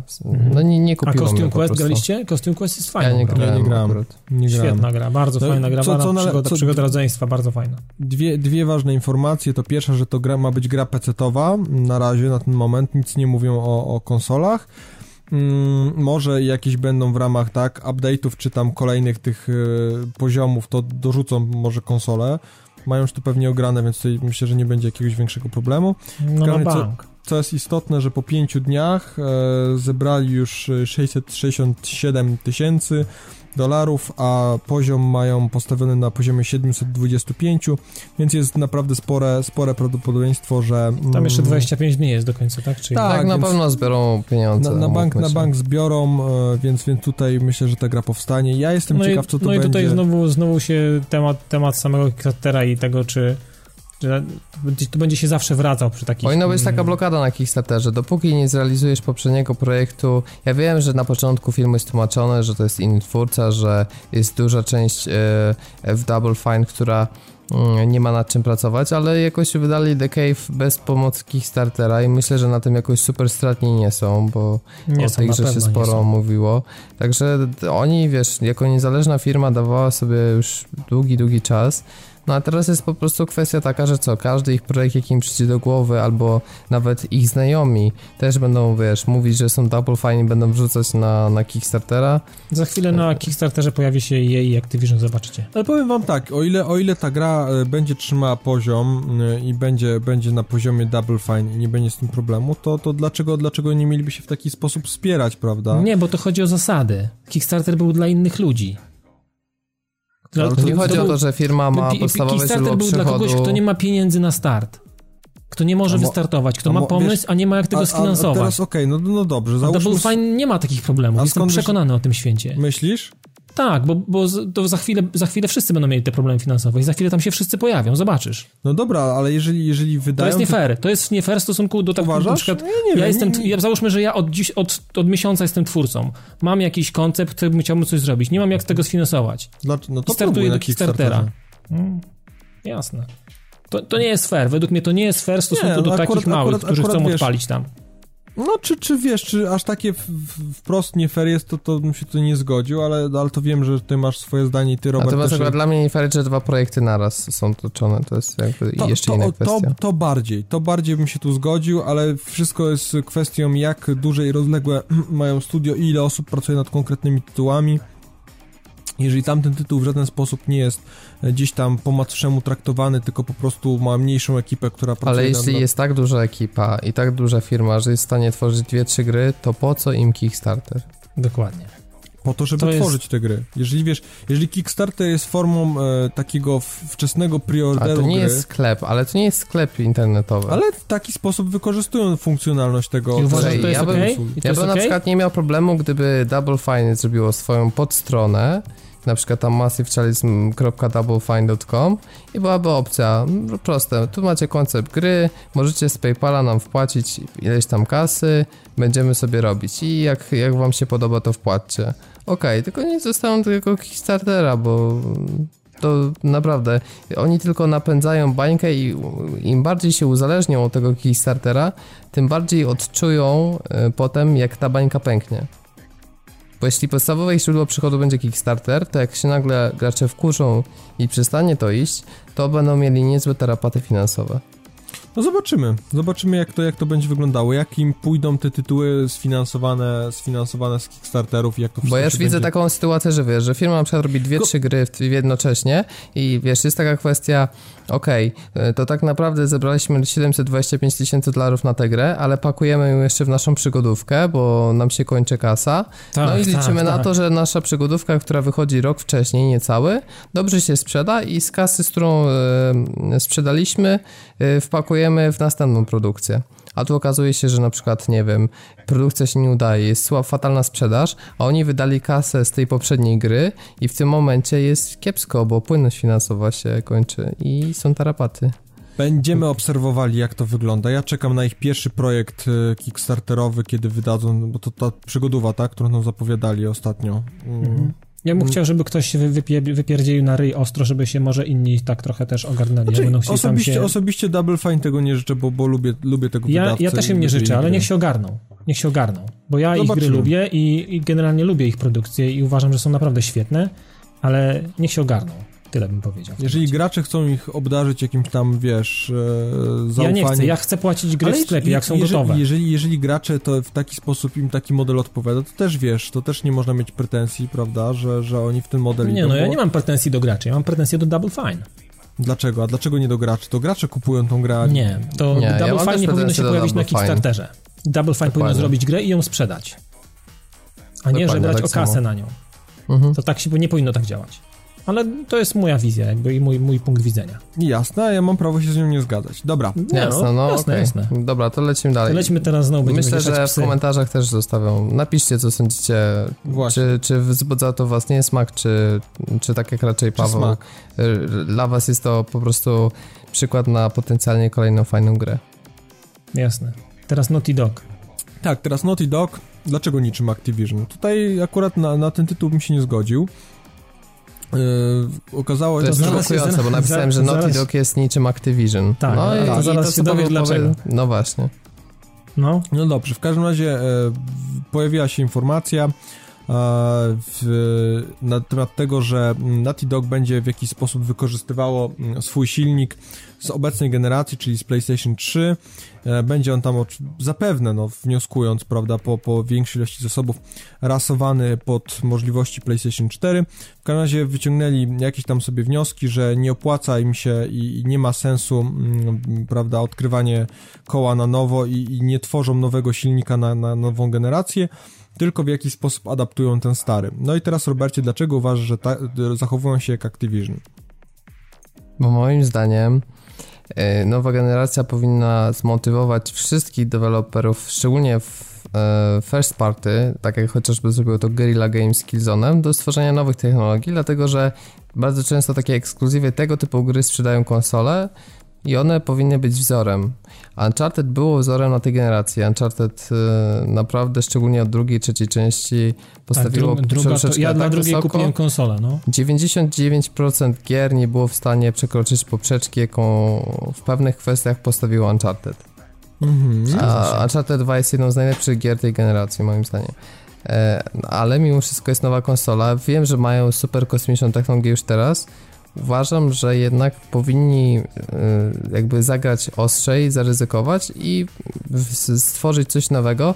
I żeby nie było takiej sytuacji, że jest Uncharted 1 i potem jest ogromny przeskok y, do Uncharted 2, dlatego że jeśli skorzystają z istniejących technologii, to to Uncharted 4 będzie taką podrasowaną trójką, potencjalnie no, wiesz, tu, tak tu się, tu się z tobą nie mogę do końca zgodzić, ponieważ e, wszystko, e, podstawowe pytanie jest i tego na to pytanie nie, nie potrafimy sobie odpowiedzieć i to jest pytanie, jak zbudowany dokładnie jest ich silnik E, w jakim stopniu jest mocno związane z PS3. E, wnioskując ale moim zdaniem nie. Ale wnioskując po tym, że wyciska wszystko Musi być, bo jeżeli jest, jest dobrze, mocno. potrafią ale... powstawać takie tytuły, których nie tylko... robi nikt, czyli na czymś to polega, prawda? Jasne, tylko I teraz, teraz jeżeli, teraz jeżeli ten silnik jest, PS4 będzie inna w architekturze Zupełnie i załóżmy, inna. że ich, ich silnik, niech jest, niech jest skalowalny, zakładam, że jest skalowalny do pewnego momentu, mhm. ale zmienia się całkowicie architektura i i ta baza, od której trzeba będzie się znowu odbijać, no to tutaj coś tu jest nie halo. Będzie znaczy, że będzie duży niewykorzystany potencjał, bo nie da się no zrobić silnika pod nie cela, który idealnie działa pod architekturę y, taką PC-tową, jaką ma pytanie, pytanie panowie... No nie, jak, Paweł, to tak jak, samo jak kompilujesz ale, źródła na, no, na Windowsa nie, i na Linuxa, to, jest, to jest zupełnie co innego. Pytanie, jakie oni wykorzystują e, zasoby z tego silnika, z poprzedniej Nie ma generacji. takich zasobów na świecie, które byłyby w stanie idealnie wykorzystać moc zupełnie innej architektury chodzi, przez takie, wiesz, wiesz kompresje. Chodzi, chodzi, wiesz, są wszystkie aspekty, wiesz, fizyki, są aspekty, e, nie wiem, e, sztucznej inteligencji, jest tyle możliwości, nie wiem, nawet e, jakiś sposób liczenia światła, które mogą być gdzieś tam w sposób oderwane od samej, nie, niekoniecznie muszą być, prawda, związane... No to czemu tego samego nie powiesz o nowym Call of Duty, powiedz? Bo może tam też będzie. No i też przechodzą no, na starym silniku. Dokładnie. Ma, może mają taką technologię, która umożliwia, wiesz... Może też, też ten silnik jest też zajebiście skalowalny i zrobią z tego taki wypas, że zerwie berety wszystkie. Tylko wiesz...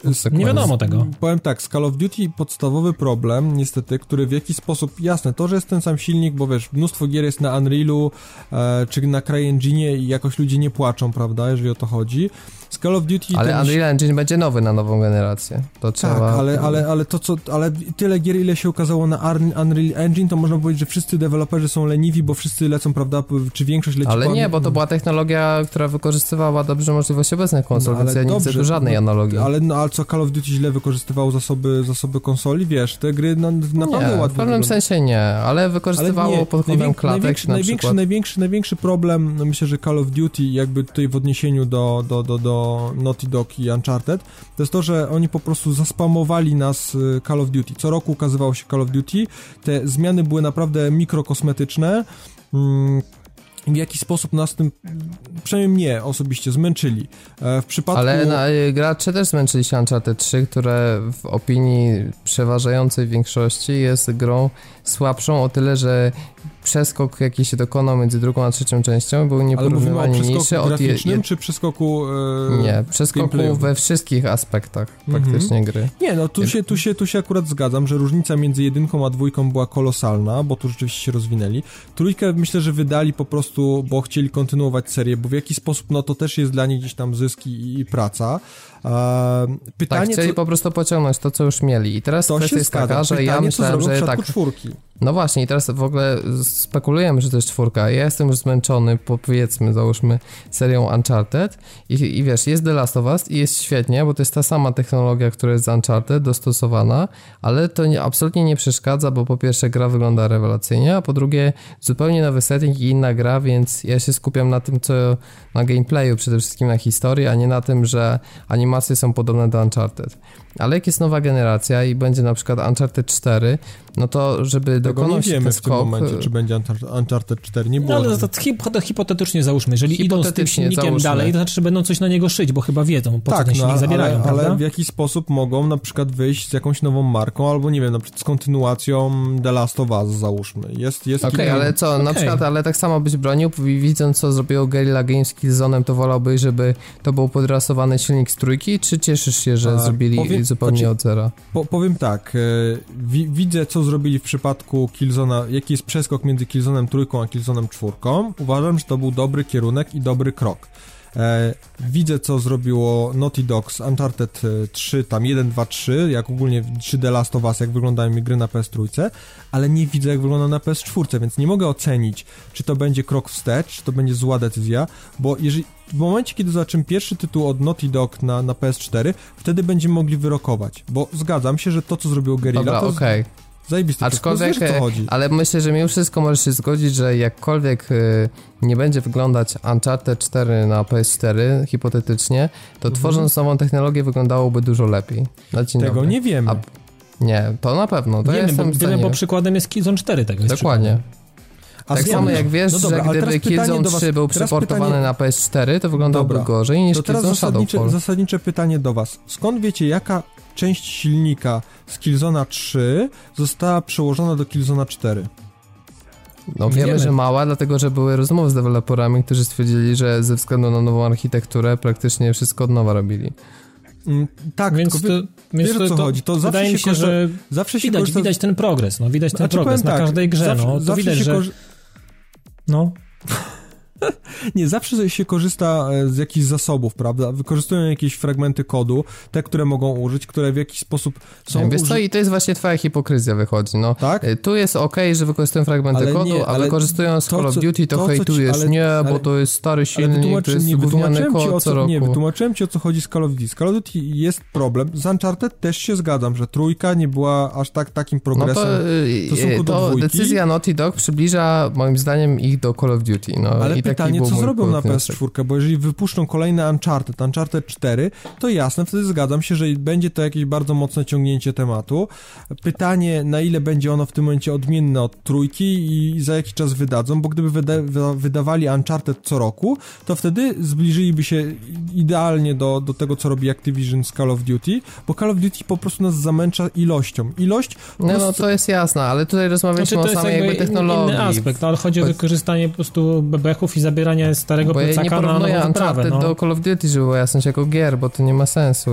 Nie, ale nie, tak, tak, tak. Nie, tak. chodzi nie, o, samo, o filozofię podejścia do programowania. O, tak. tak jak mówię, no ja się nie mogę trochę z tym zgodzić, bo, bo dopóty, dopóki nie zobaczymy tego, co są w stanie zrobić na, na PlayStation 4. No to okej, okay, tu się mogę zgodzić. A poza ale, tym Naughty Dog być może nie będzie o... robić Uncharted 4, bo plotki są też, że inne studio się tym zajmie, a Naughty Dog będzie na przykład jeszcze jakąś inną markę tworzyć. I wtedy okej, okay, jest dla nich większa szansa, że mogą na przykład, wiesz, z jakimiś gameplayowymi rozwiązaniami, fabułą i tak jak w przypadku The Last of Us, mimo że ona ładnie graficznie wygląda, to w odróżnieniu od Uncharted e, te, te całe skupienie graczy jest wokół historii, tego jak, jak, jak gameplay będzie wyglądał i jak historia, bo oni tak to rozłożyli akcenty. W przypadku Uncharted to była przygoda plus świetna grafika, tak, tak, mm-hmm. takie miałem Nie, no wspomnienia jasne, z akcji marketingowej. Wiesz co, powiem tak, tak na podsumowanie newsa, bo myślę, że możemy ten temat e, już przejść do następnego.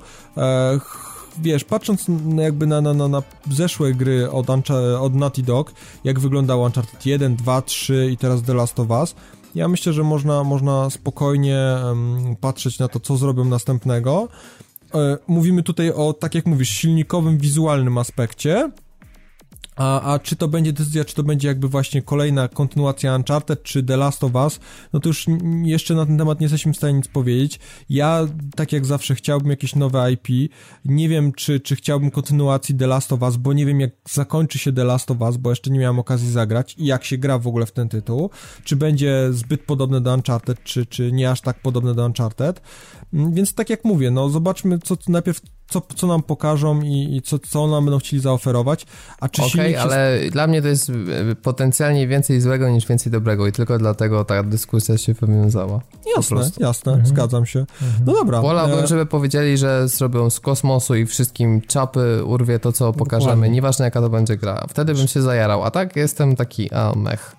Mówisz? Dokładnie. Wydaje mi się, że powinni właśnie pokazać, że mają, mają stalowe jaja i robią po prostu wszystko od zera i szyją na taką technologię, na którą po prostu, na którą PS4 w tej chwili pozwala i pokazują Aczkolwiek to. tutaj też mo można nie wieszać wszystko na Naughty Dog, wiemy o zależnościach Sony, być może Sony powiedział tak, ok, dłubcie sobie technologię powoli, ale my chcemy grę już w 2013 roku na start no, konsoli. może tak i zróbcie to na starym, na starym silniku. A ja nie mówię, ale też. sorry, ale my dopiero jesteśmy, nie wiem, 20% prac nad nowym silnikiem.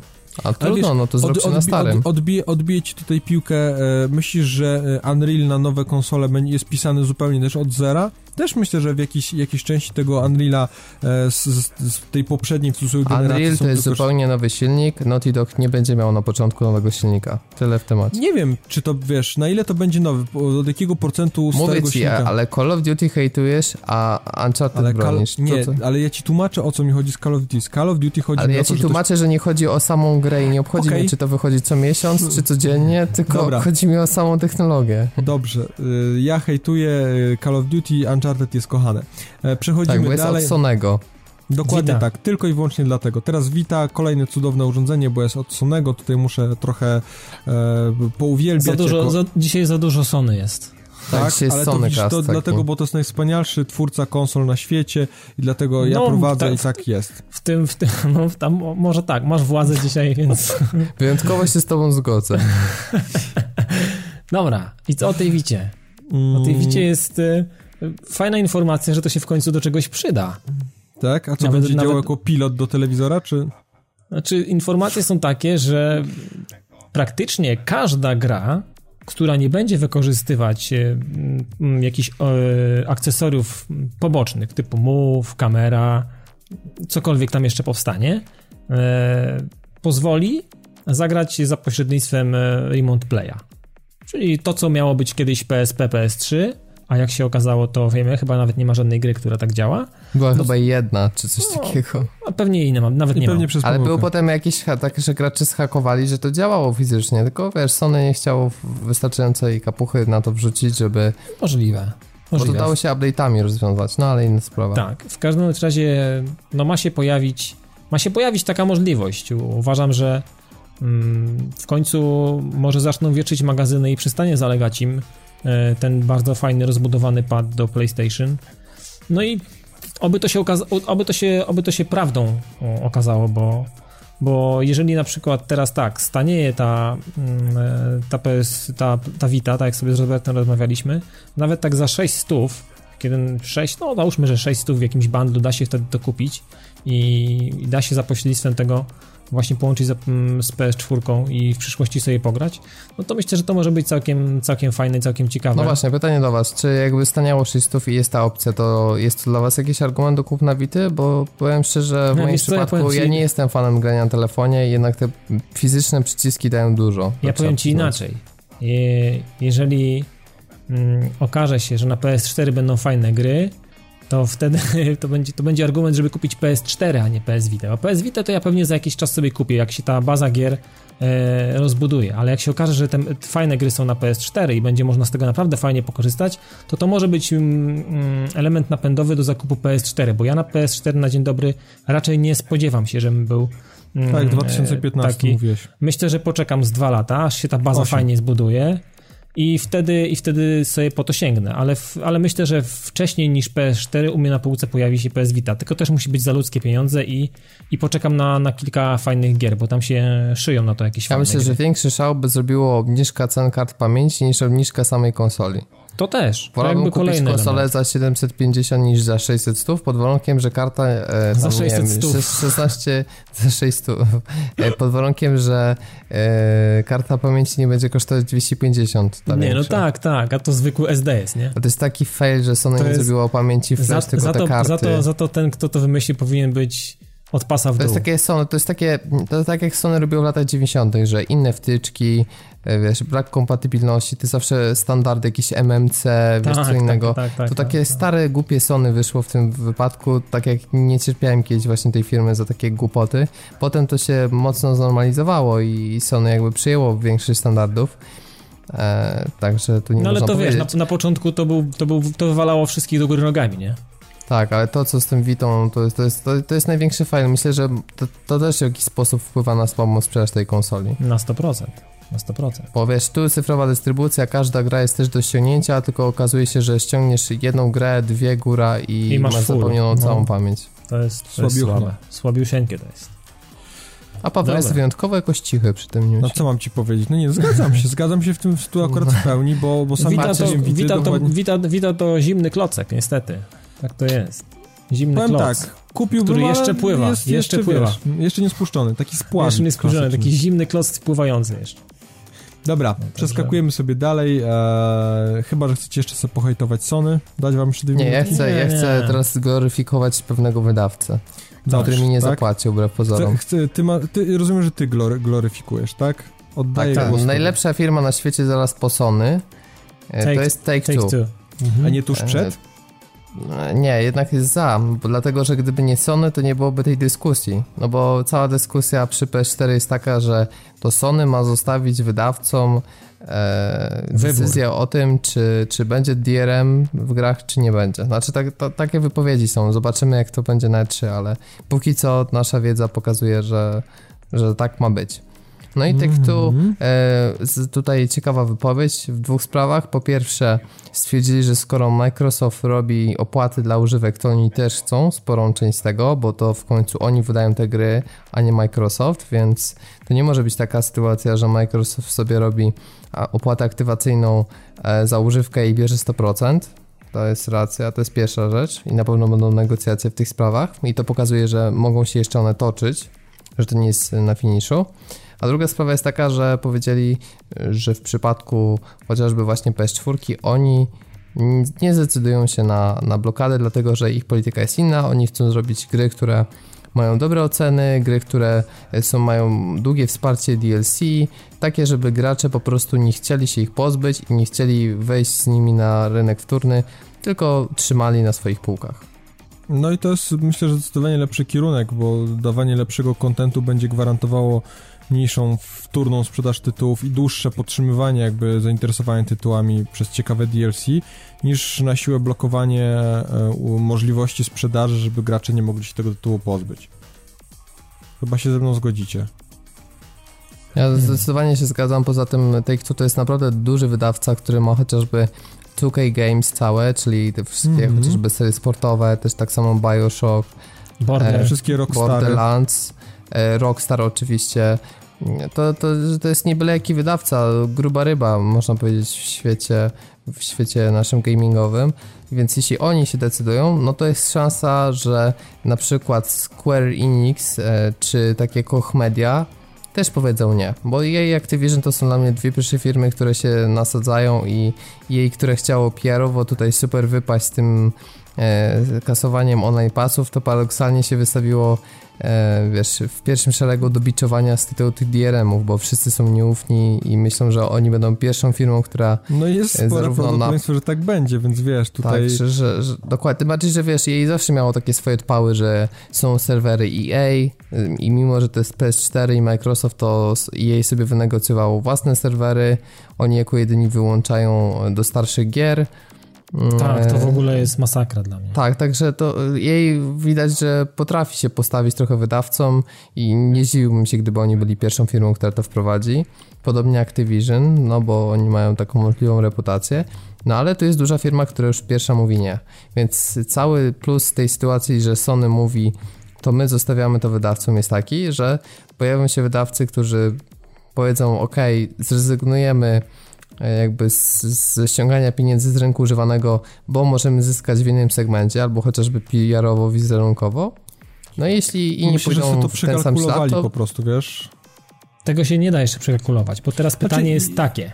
Teraz jeżeli ja mówię jako wydawca, taki take two, to mm -hmm. super to, co powiedzieli, to jest naprawdę, to jest, to się chwali. I teraz tak, okej, okay, oni mówią, oni mówią olać, nie robimy tego. I teraz tak, a teraz jest dru druga strona obóz, który mówi robimy to. I teraz moje pytanie.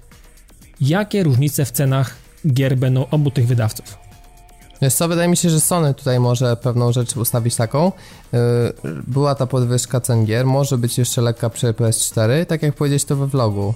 To było tak całe ja, no spostrzeżenie. Właśnie, że, że, że może... 270 zł załóżmy, czy 250 za grę, którą możesz wymienić i na przykład 220 za grę, która jest z DRM-em. Hmm. Albo 200 zł na przykład. Myślicie, że będzie tak? Że nie będzie ujednolicone? Może tak, może tak być, może tak być. To tak jak masz teraz na przykład, że możesz sobie kupić na PSN-ie Metro Last Light za 184 z plusem. Tak. E, I możesz sobie tak samo kupić za 200, 220, ale wtedy możesz wymienić, załóżmy, nie? No to taka sytuacja.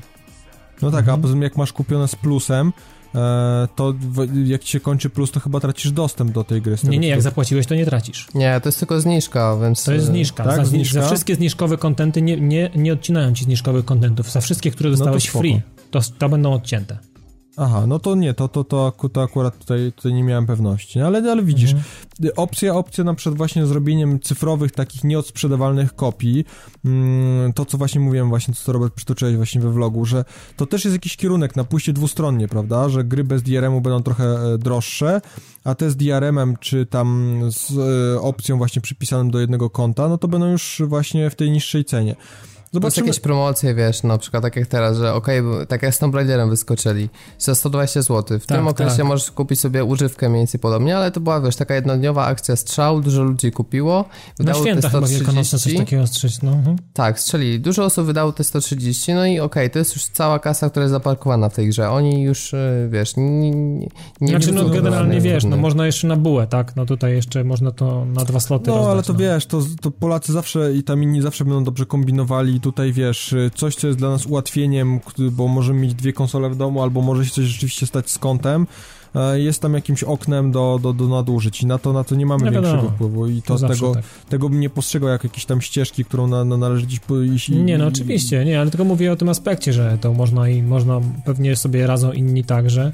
I no, zawsze sobie w jakiś sposób radzą. Rozkładają ale... to, tą płatność. Powiedz, a jeszcze taka kończąc pytanie, myślicie, że rzeczywiście powiedzą o tych grach używanych? Bo ja się obawiam, że będzie taka sytuacja, Myślę, że, że na E3 będzie w ogóle martwy temat. Myślę, że Totalnie nie ma ani słowa nikt nie piśnie. Myślę, że tak może być. To, to, są, to są takie tematy tak samo Dowiemy jak się za 5.12. Jak na przykład może zostać w ogóle olany temat ceny gier to też się można spodziewać, że to będzie taki temat. No ten sam konsoli, bo mogą na przykład powiedzieć, że Sony na się tak, zapowie tak, albo... Cena, cena konsoli to jest taki temat, którego wszyscy bardzo wyczekują w jakiś sposób i to jest takie też przyjęte, znaczy, że... potencjalnie to, co pierwszy na konferencji wyjdzie, to jest cena konsoli. Tu się zgadzam, nie? nie i, że jak i, już mają rzucić cenę czegoś, to zazwyczaj na to dokładnie, to konferencjach będzie cena konsoli, się cena sprzętu. I się większość ludzi na tym złapie, że to będzie cena konsoli, a większość osób gdzieś tam w cudzysłowie zapomni trochę o cenie samej gier, bo, bo uzna, że ważna jest cena sprzętu, a niestety w przypadku konsoli cena gier jest tutaj myślę, że dużo bardziej e, decydująca. Jest najważniejsza.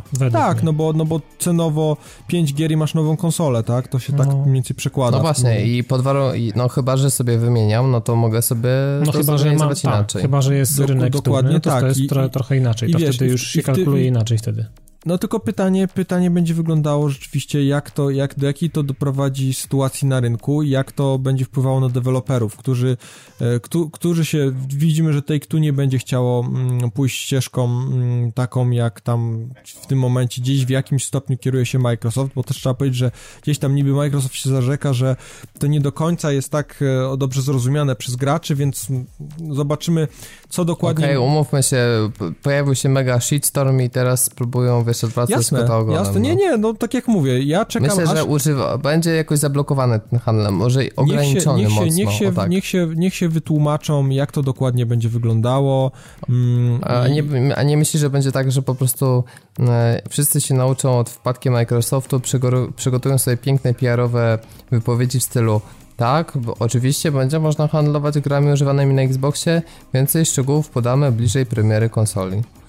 Może, może tak, tak być. Może, może, tak do, być. może, dokładnie też tak być, wiesz. A potem no, się okaże, że będzie tylko w GameStopie i, i aktywacja 35 dolarów, w związku no, z czym to będzie zobaczymy, jak rynku. Zobaczymy jeszcze, jak to będzie wyglądało, bo z tego co pamiętam Mike Cerny, tak, powiedział na temat e, Kearney, czy Cerny, Kearney, Cerny chyba, no. Cerny e, e, powiedział na temat e, właśnie stałego podłączenia do internetu PS4, że nie, nie będzie to wymagane. Więc to no to jakiś... tutaj z dużą pewnością można stwierdzić, że rzeczywiście to w jakiś sposób, w jaki always sposób on też, nie będzie. To też w jakiś sposób, prawda, będzie, będzie uniemożliwiało, prawda, pewne DRM-owe zagrywki, które mo mogą się, a raczej na pewno się pojawią w przypadku y, nowego Xboxa. Tak, to tak jak się śmiał na Twitterze ten fejkowe konto Kaza Hirai, że największy news tego tygodnia to jest to, że PS4 będzie konsolą do grania. I napisał, że potwierdzam, że Bravia, telewizor Bravia to też jest telewizor. Jakby co. No tak, tak, wiadomo. Żarty, tutaj... żarty się trzymają niektórych.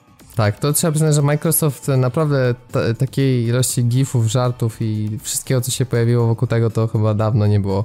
Od czasu właśnie chyba tej konferencji E3 2005, kiedy fail za failem z e, PS3 było.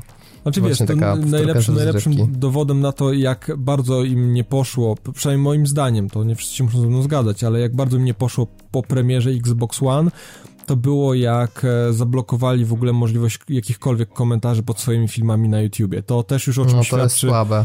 Że, to jest że, słabe. To jest, ale to... Sony też miało taki, taki moment, że blokowało e, komentarze pod filmami bodajże z PlayStation Home. Bo tak, no komentowali, to... że co to za gówno i w ogóle jasne, nie Jasne, Znaczy wiesz, to jakby blokują komentarze w momencie, kiedy jest zbyt wiele negatywnych komentarzy, prawda? To też w jakiś sposób jest to jakaś no, zagrywka. Oczywiście, no tak jak Sony blokuje Home, to jest wszystko pięknie. Nie, nie, nie mówię, że to jest, to, to jest okej, okay, ale to w jakiś, a czy nie, nie, nie, w tym nie w tym kontekście chciałem to powiedzieć. Wiesz, no ja żartuję, naprawdę, Dobrze, nie musisz, nie, cho nie, no. chodzi mi, chodzi mi o to, że ilość jakby negatywnego takiego odzewu od graczy była tak duża, że musieli poblokować te komenty. Tak jak Sony blokowało w przypadku PS Home, bo mieli dokładnie ten sam problem.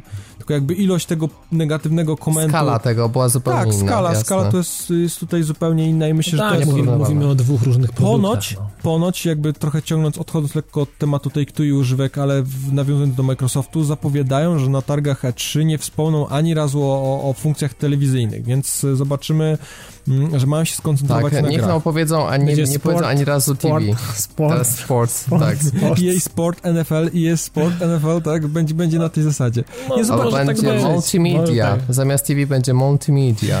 multimedia. No, nie, no, tak ja jestem strasznie ciekaw, w, jak, w jaką stronę to pójdzie i, i, i jak, jak, Szczególnie, jak że oni, oni, oni, już nie obchodzi, oni otwierają E3, nie? Oni tak, ale mnie, mnie, już nie obchodzi, w jaką stronę to pójdzie. Ja wiem, że po prostu pokazali już tyle, kupisz? że Naprawdę mnie to Ale już taki cudowny pad, pomyśl, taki cudowny. Pad jest, no to pad jest nie, właśnie, o, pad to mnie interesuje. Jeśli nie będzie kinek wymagany do pada do PC, to... To e, odetchnę z ulgą też. Tak, to już możecie liczyć na trollowanie, że zrobię sobie zdjęcie z padem od Xboxa i napiszę, no, zaczęła się nowa generacja. I wszyscy, o Jezu, porypało cię, kupiłeś nowego Xboxa. Nie, kupiłem pada od Xboxa. Dokładnie, dokładnie, też mi się wydaje. To jest jedyna dobra rzecz w tym sprzęcie, kurczę. A no, ja powiem trudno. tak, Będziemy nie trzymaliście go w rękach i nie wiecie, czy jest taki dobry. Jest lepszy od y, DualShocka 4.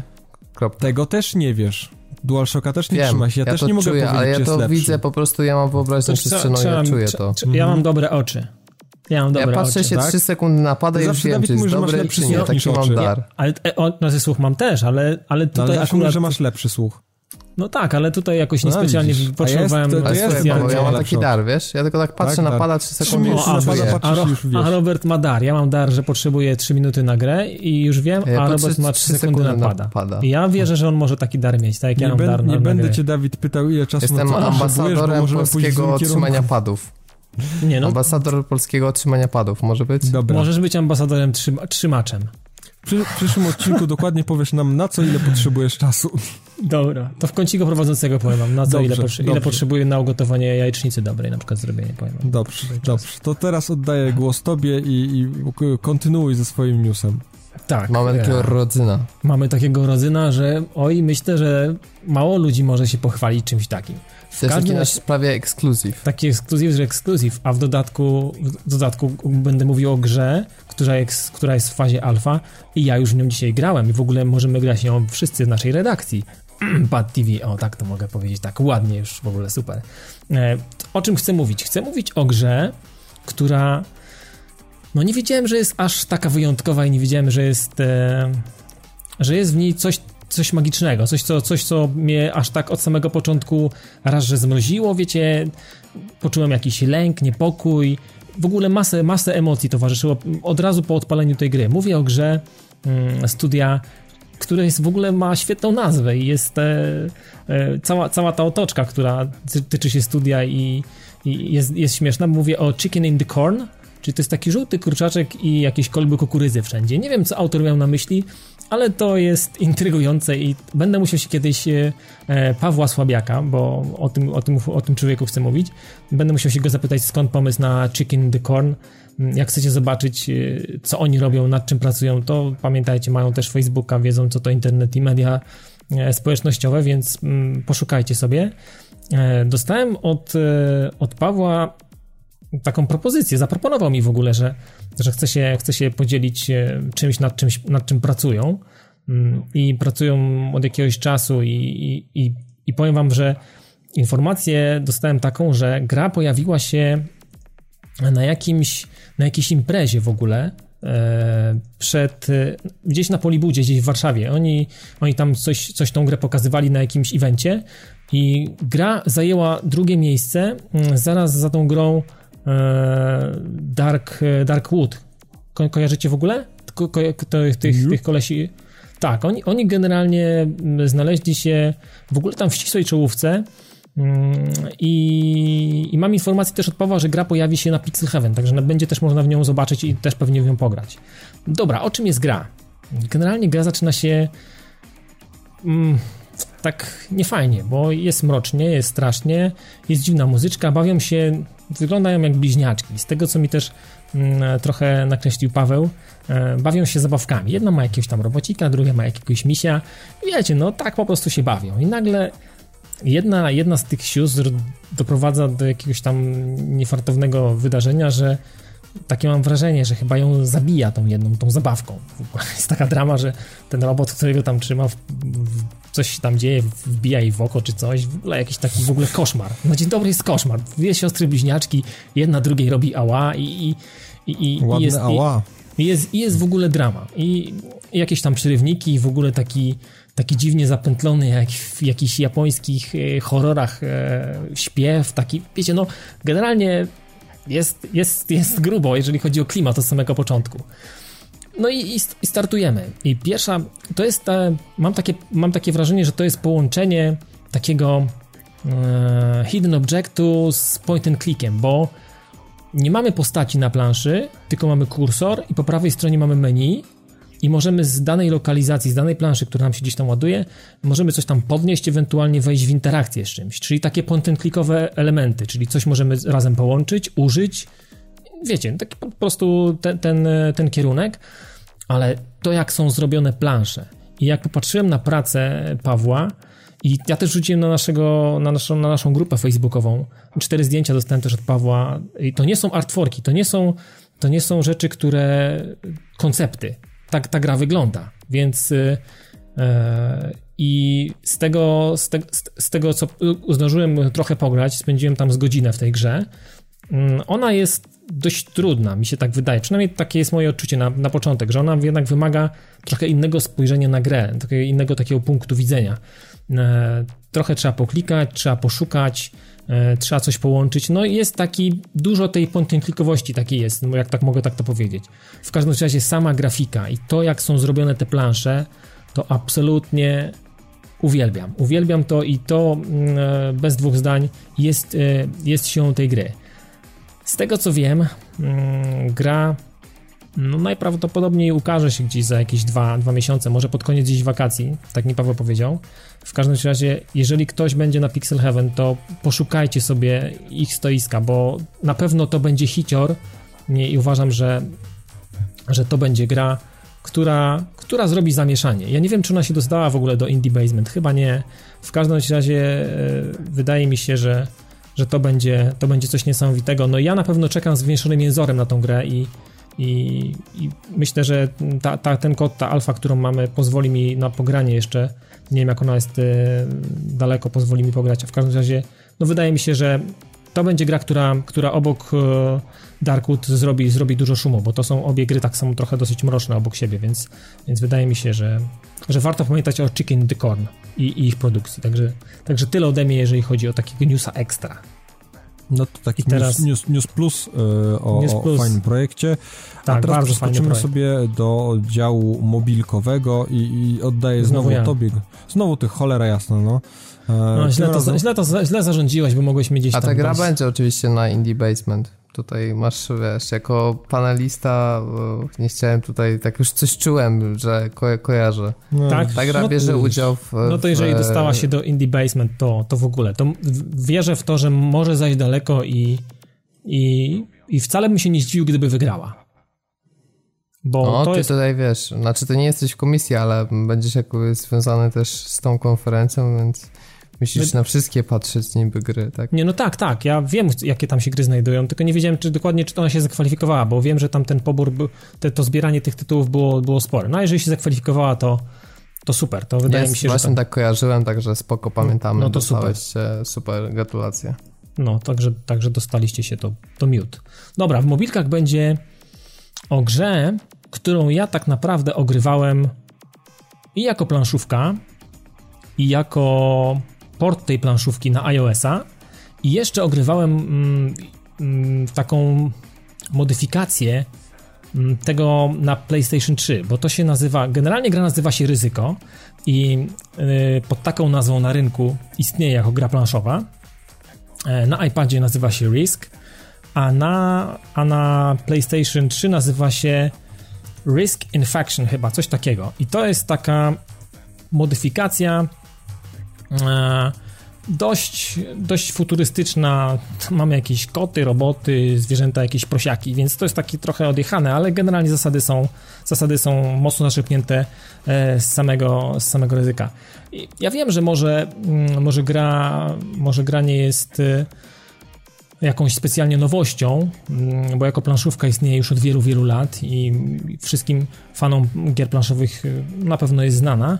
Natomiast bardzo mi się podoba mm, to, jak została przeniesiona mm, właśnie do, na, na, na iOS-a, na iPada, bo na iPadzie w nią grałem, więc, więc mamy, mamy absolutnie wszystkie te mechanizmy, mm, plus jeszcze dość mocno rozbudowany e, tryb multiplayer, jeżeli nam zabraknie właśnie możliwości pogrania z kimś e, na planszy, albo nie mamy generalnie towarzysza do tej gry, więc, e, więc tutaj jest możliwość sobie stworzenia sztucznej inteligencji, różnych poziomów każdego z tych graczy, e, więc jest, jest spora możliwość tutaj sobie ustawienia tego mm, w zależności od tego naszego poziomu jakby doświadczenia i tego, jak, jak dobrze jesteśmy w tej grze.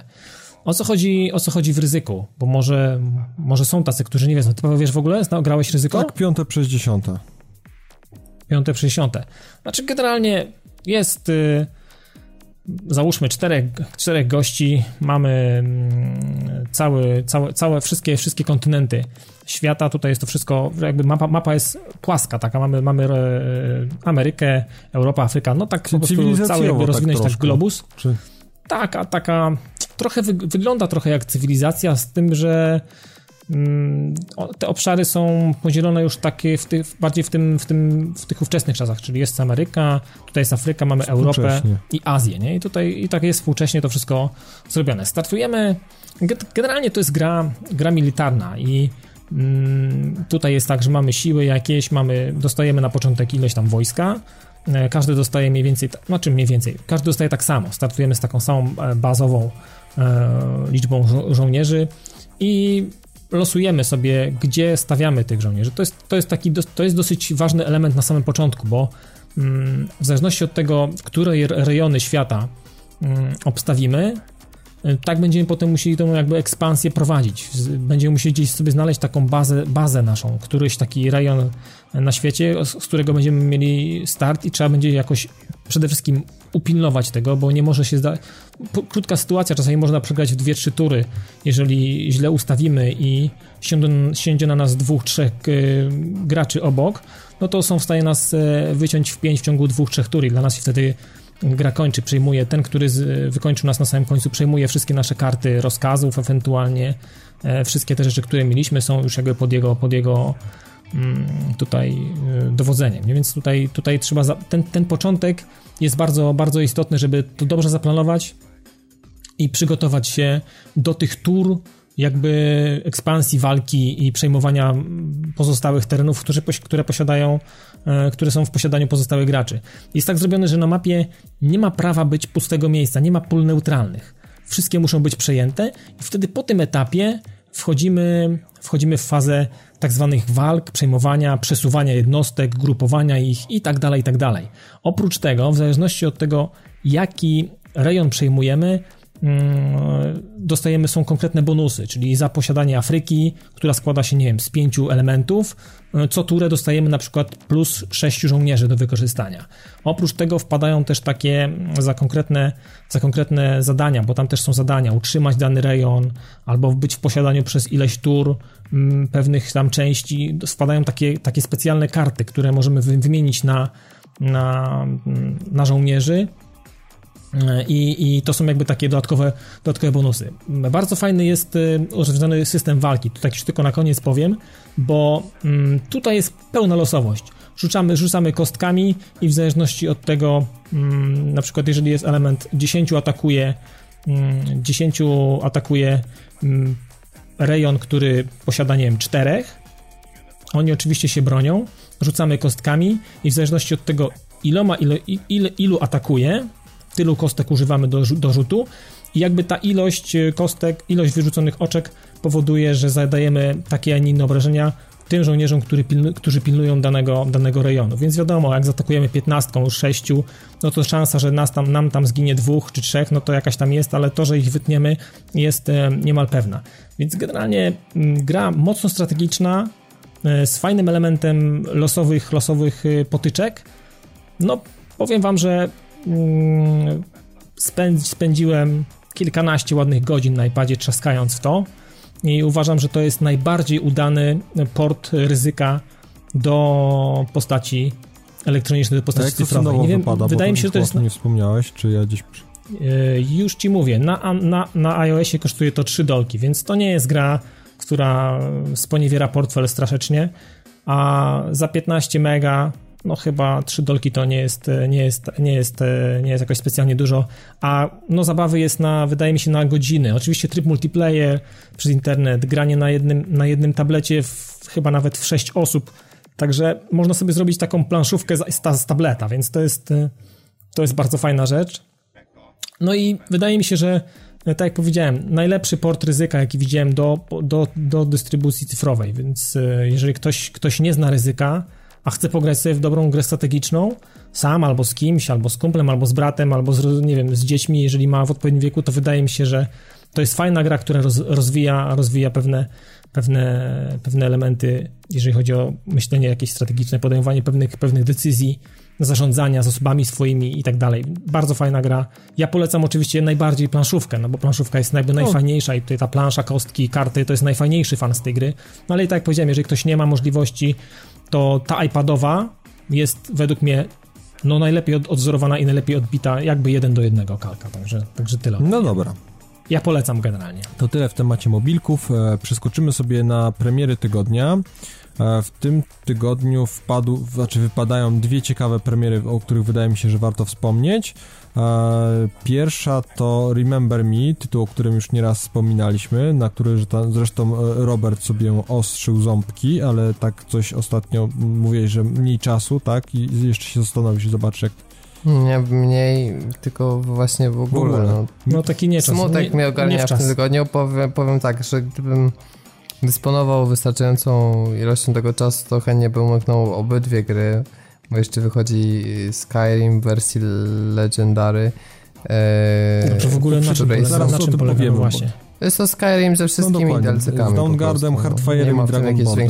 Ale cena troszkę poraża, bo 184 zł za, za, za no powiedzmy, że ja bym kupił raczej na PC, to bo mhm. tak jest obsługa pada, więc tam no tak jak... mniejsza z tym, a poza tym na PC możesz jakieś mody sobie tak. grać i to mm. też... No na PC też kosztuje sporo, bo 164, więc też, też, też sporo.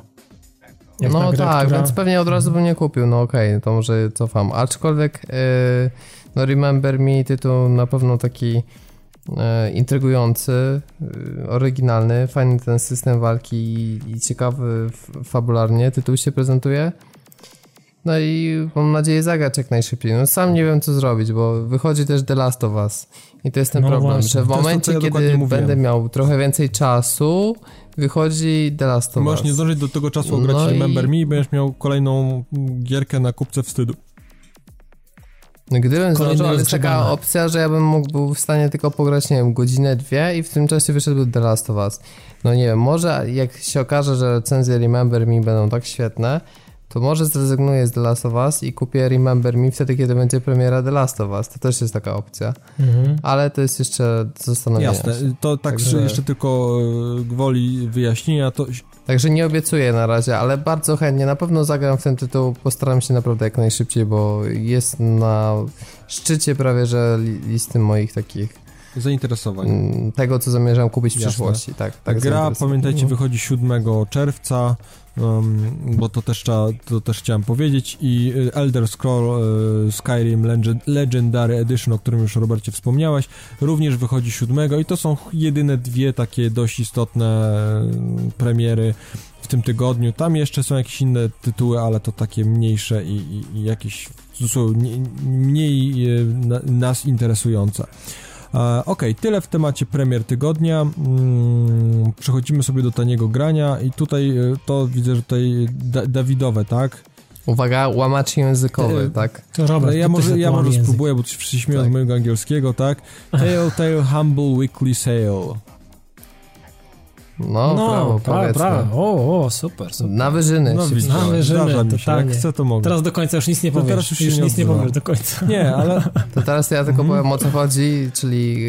Y, bo Humble y, Bundle to już znacie, to są te e, najczęściej dotyczące indyków na zasadzie takiej, że płacisz ile chcesz, dostajesz kolekcję indyków. No i jeden indyk jest też taki dostępny ekstra pod warunkiem, że zapłacisz więcej niż średnia wszystkich wpłat.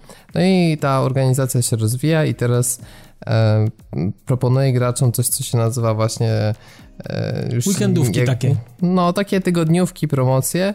Ta promocja jeszcze trwa przez dwa dni, jak tego słuchacie. E, no i zawiera w sobie przygodówki właśnie od Telltale Games. I to jest, myślę, bardzo ciekawy zestaw, bo można wyrwać sporo, e, sporo fajnych gier za niewielką cenę. Więc jeśli wpłacicie ponad 4,31 4... teraz. Tak, dostaniecie Walking Dead, wszystkie sezony, a niezależnie od tego, ile wpłacicie, dostaniecie tak Back to the Future, e, wszystkie części Sama i Maxa, e, Poker Night to akurat jest Gówniane, rzecz. No. Mhm. E, Hector e, Batch of Carnet, e, Puzzle Agent.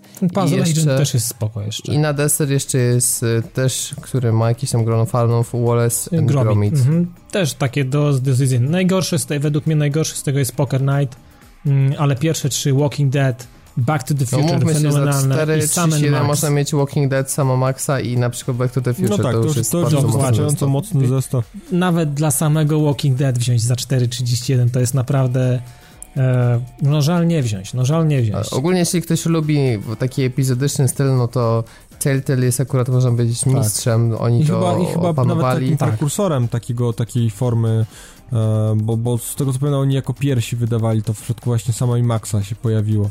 Sam Max Tak. pierwszy, potem, potem tak.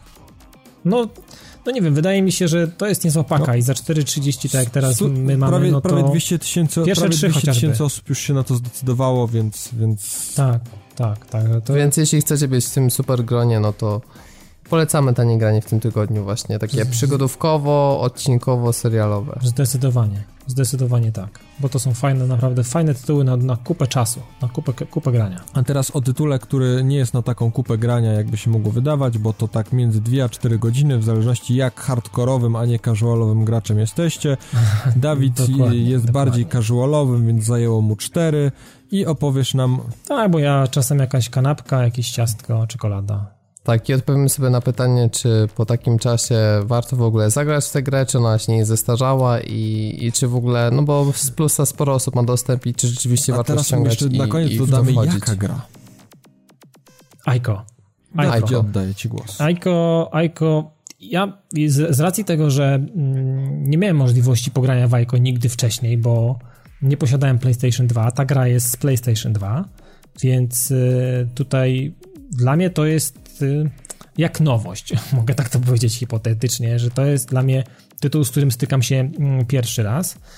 E, I co mogę powiedzieć o grze? Powiem może teraz o samej, od razu na dzień dobry o samej mechanice, jak się odnalazłem, mm, jak próbowałem się odnaleźć w tej grze. Mm, No, tutaj potrzebowałem chwili, bo jednak system sterowania jest trochę inny, skakanie jest gdzie indziej nie przy... System zapisu. System zapisu, rozkminiłem go, on jest, on jest, on jest trochę inny, bo są, są miejsca, takie kanapy, na których siadamy z tą dziewczynką i wtedy mamy możliwość zapisania. No i są jeszcze checkpointy, takie główne, w momencie, kiedy otwieramy te drzwi, kiedy znaczy dociągniemy ją jak taką wywłokę, on tak ją dziwnie ciąga, ten, ten chłopczyk, tą dziewczynkę za tą rękę, to tak komicznie wygląda. Ona ma tak jakby, jakby opory, albo nie chciała iść, a on ją gdzieś ciągnie w ciemny kąt, jakby nie, wie, nie wiedział, co chciał jej zrobić. Wiecie, no ta animacja jest taka komiczna i ona tak dziwnie wygląda, ale ja rozumiem, że ta gra ma lat x ileś tam i ona wtedy zrywała czapki z głów, a dzisiaj no takie rzeczy mogą już pewnym osobom przeszkadzać. Natomiast mm, ustawienie tych, tego pada było trochę inne, musiałem sobie to się tego, musiałem to, sobie to przestawić, bo to jest ym, inaczej w standardzie się skacze, inaczej się skacze trójkątem, używa się kółkiem, żeby coś tam dojść, weszła jakaś interakcja nam się zadziała. Mm, Natomiast mm, sam, sama, samo wprowadzenie do, do tej gry, sama ta, ten aspekt, wiecie, fabularny, te, tej, tego wrzucenia nas w to coś, no trwa jakiś, jakiś czas. No Japońcy to potrafią mm, wprowadzić w świat i wprowadzić w klimat. Y, Sam ten początek trwa ileś minut nawet, bo to jest mm, takie konkretne wprowadzenie, naprawdę takie, takie i, emo- i z emocjami i, i no jest takie, się przeżywa to trochę. W każdym Płakałeś? razie sam początek, nie, nie, to nie jest taka gra do płaczu, natomiast ona, ona, ona, ona przez to, że w trakcie tej gry wieje puchą, nie spotykamy nikogo, tylko jesteśmy my i, i ta dziewczynka, którą musimy się opiekować i, i ciągnąć ją za sobą albo pilnować jej przed takimi cieniami, które w niektórych lokalizacjach gdzieś tam wyskakują, próbują ją porwać i znaczy te, te, te duchy z tego, co wydedukowałem, to są mm, sługusy tej takiej złej kobiety, która no jest zła generalnie i nie będę więcej mógł tutaj powiedzieć. No w każdym razie ona, ona to są jej jakby sługusy i one mają doprowadzić do tego, żeby, żeby ta, ta dziewczynka e, znalazła się u niej, bo ona chce jej tam w jakiś sposób uśmiercić, pozbyć się. No i, i to jest na tej zasadzie, że no, faktycznie wszędzie jest pucha. Łazimy, łazimy po takim, po takim zamku, który składa się z jakiejś takiej części centralnej, e, lewego i, i prawego skrzydła, no i po środku jest brama, za którą musimy się wydostać. I to jest przez 3 czwarte gry to jest jakby nasz cel. Musimy otworzyć tą bramę, która nam się zamknęła przed nosem, mm, bo my mieliśmy możliwość wyjścia, ale mm, fabularnie potoczyło się tak, że ta brama nam się zamknęła i nie zdążyliśmy wyjść. No i teraz musimy znaleźć, znaleźć drogę do tego, mm, żeby, żeby tą bramę otworzyć. Ta, ta brama ma lewe skrzydło i prawe skrzydło, więc my musimy zrobić coś po, lewym, po lewej stronie tego zamku, żeby się coś tam zadziało i po prawej stronie, żeby coś się tam zadziało i ta brama się wtedy otwiera, więc to jest jakby główny, główny cel gry przez dobre 3 czwarte, 3 czwarte mm, przygody. E, Natomiast e, same łamigłówki i, i samo mm, sam element y, przechodzenia gry, no jest, jest bardzo prostym i nie, nie, nie znalazłem taki, takiego miejsca, gdzie bym się zaciął. Wiecie, ta, ta gra jest naprawdę e, prosta. To jest przygoda taka. Taka przygoda, to jest taki, Ale tak, ta tak jak Journey. się to jest co, taki, wiesz, czy Właśnie to chciałem zapytać, jak, jak Co? się... graficznie, graficznie ona jest. Widać, że ta gra ma już lata swoje. Widać, że ta gra ma już swoje lata, bo e, jakieś zoomowanie albo jakieś tam tekstury gdzieś w tle, no to one tam, wiecie, nie wyglądają jakoś, nie porywają, ale no.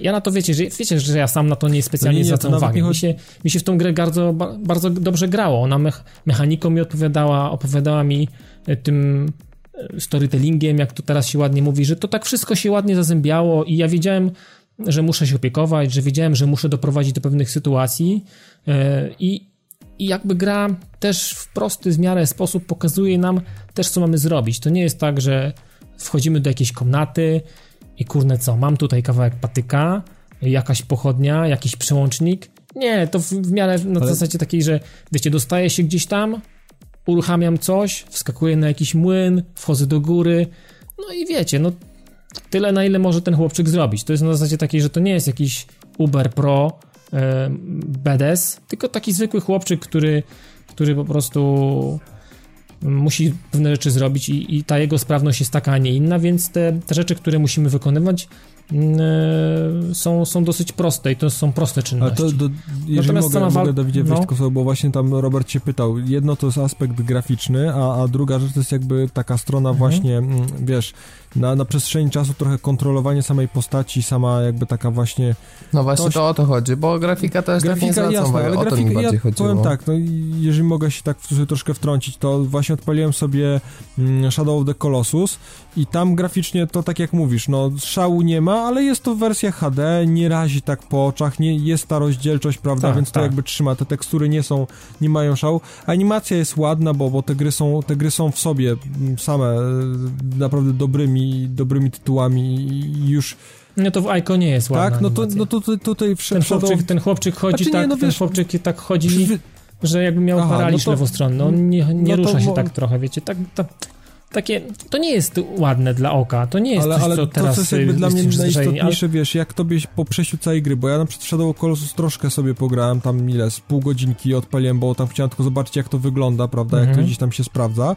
I na przykład dla mnie największym problemem było Mhm. wychodzenie za pomocą trójkąta, albo wspinanie wymagające wciśnięcia R1, jakieś takie właśnie mm, dzi- Czy nie, no to w Aiko możesz to wszystko z, zrekonfigurować, więc to, to ustawisz jak ty Aha. chcesz, jak umiesz teraz, jak masz, jaką masz pamięć mięśniową, więc myślę, że w Shadow of Colossus Tak, też jest to, ja, mm, to tak podobnie jak ty nie odnalazłeś e, zapisów w Aiko, to takie ja nie, miałem problem z...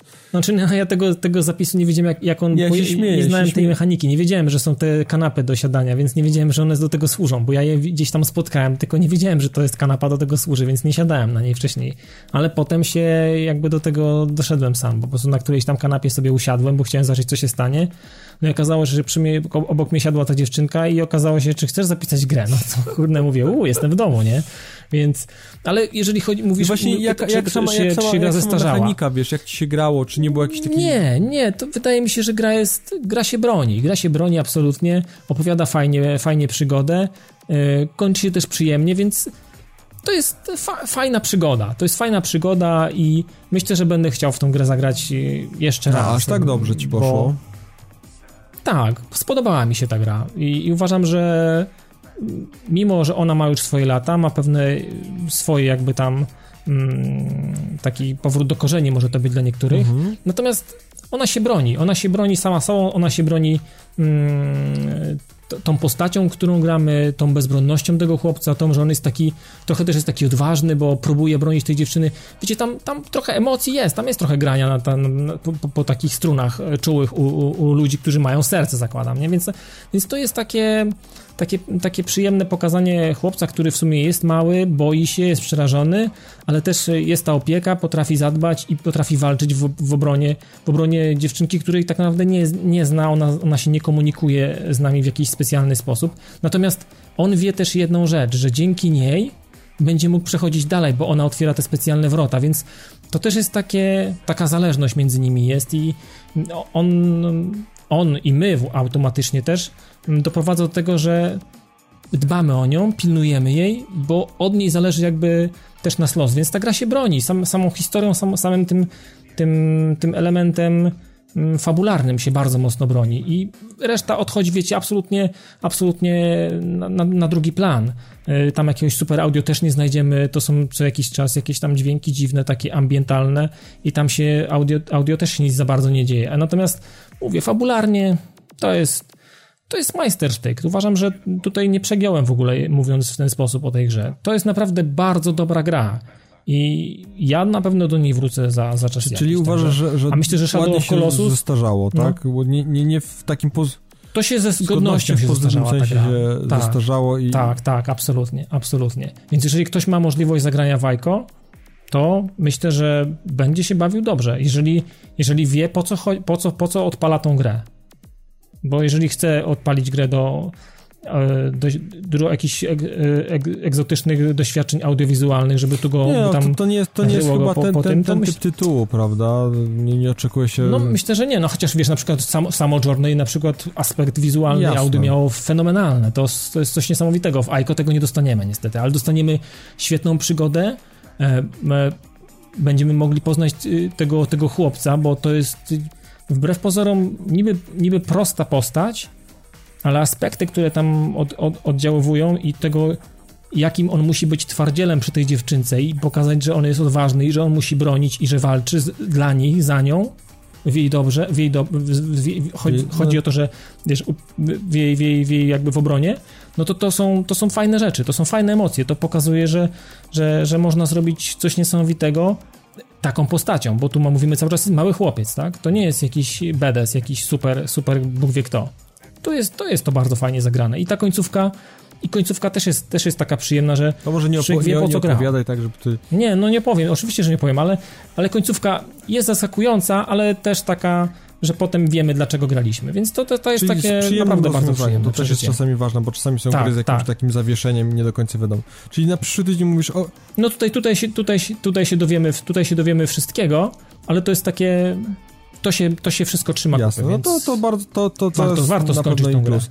E, czyli rozumiem, że na przyszły tydzień na pewno sobie będziesz tam ugrywał Shadow of the Colossus, tak, i też pewnie powiesz, czy krótko może, czy, czy to też trzyma no, no ja myślę, że E3, nie, ale ja za się śmieję. Może za dwa tygodnie. Może, może, na pewno Shadow of Colossus na pewno za dwa tygodnie i na pewno też Gunslinger, bo jednak stwierdziłem, że Dobra. Kupię. I Wiśnia chyba też kupił z Wiśnia tego, co wiemy, dzisiaj, więc tak, wpadnie także, też opowiedzieć. Także tak, Wiśnia też padnie i pogadamy sobie dual, o Gunslingerze. Tak, podwójną recenzję. I, tak. Takiej kowbojskiej, no, wiesz, ja, taki ja, ja, ja stwierdziłem, bo jednak y, mieszane uczucia do tej gry były, więc ja Czekałeś. też tak nie wiedziałem, czekałem, czekałem, ale jak dzisiaj zobaczyłem ocenę na Poligonie 9.0, stwierdziłem, że na co ja mam czekać. Ale oni to tak recenzują, że wiesz, ja wiem, ale... City też miało 9, a potem dostało update na 4. Po, no wiem, ale tutaj update, update raczej nie będzie. Wiesz, różnie może Tutaj nie ma multiplayer, więc tutaj nie, nie może jasne, być jasne.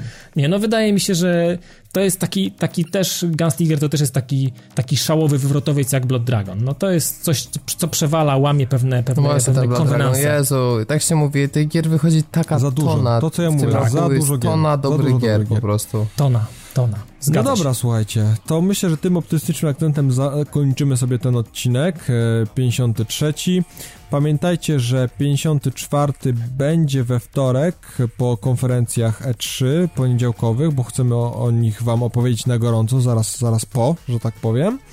A więc tutaj nie, nie zapominajcie, yy, odwiedźcie naszego bloga klasycznie padtv.pl, tam zawsze możecie skomentować, napisać, zrobić to, co się Wam żywnie podoba, lub też zobaczyć jakieś inne nasze materiały. Grupa facebookowa, czy też y, nasz Facebook i oczywiście Retro Rocket Network, gdzie znajdziecie nas i inne ciekawe podcasty, jak również niecodziennego czy codziennego vloga. A dzisiejszą audycję, czy też podcast nagrywał ze mną Dawid Maron. Żegnam się i do usłyszenia. Robert Fiałkowski. Do usłyszenia za tydzień po targach E3. Dokładnie tak. I ja, Paweł Niziołek. I co? Trzymajcie się i słyszymy się w takim razie we wtorek. Na razie.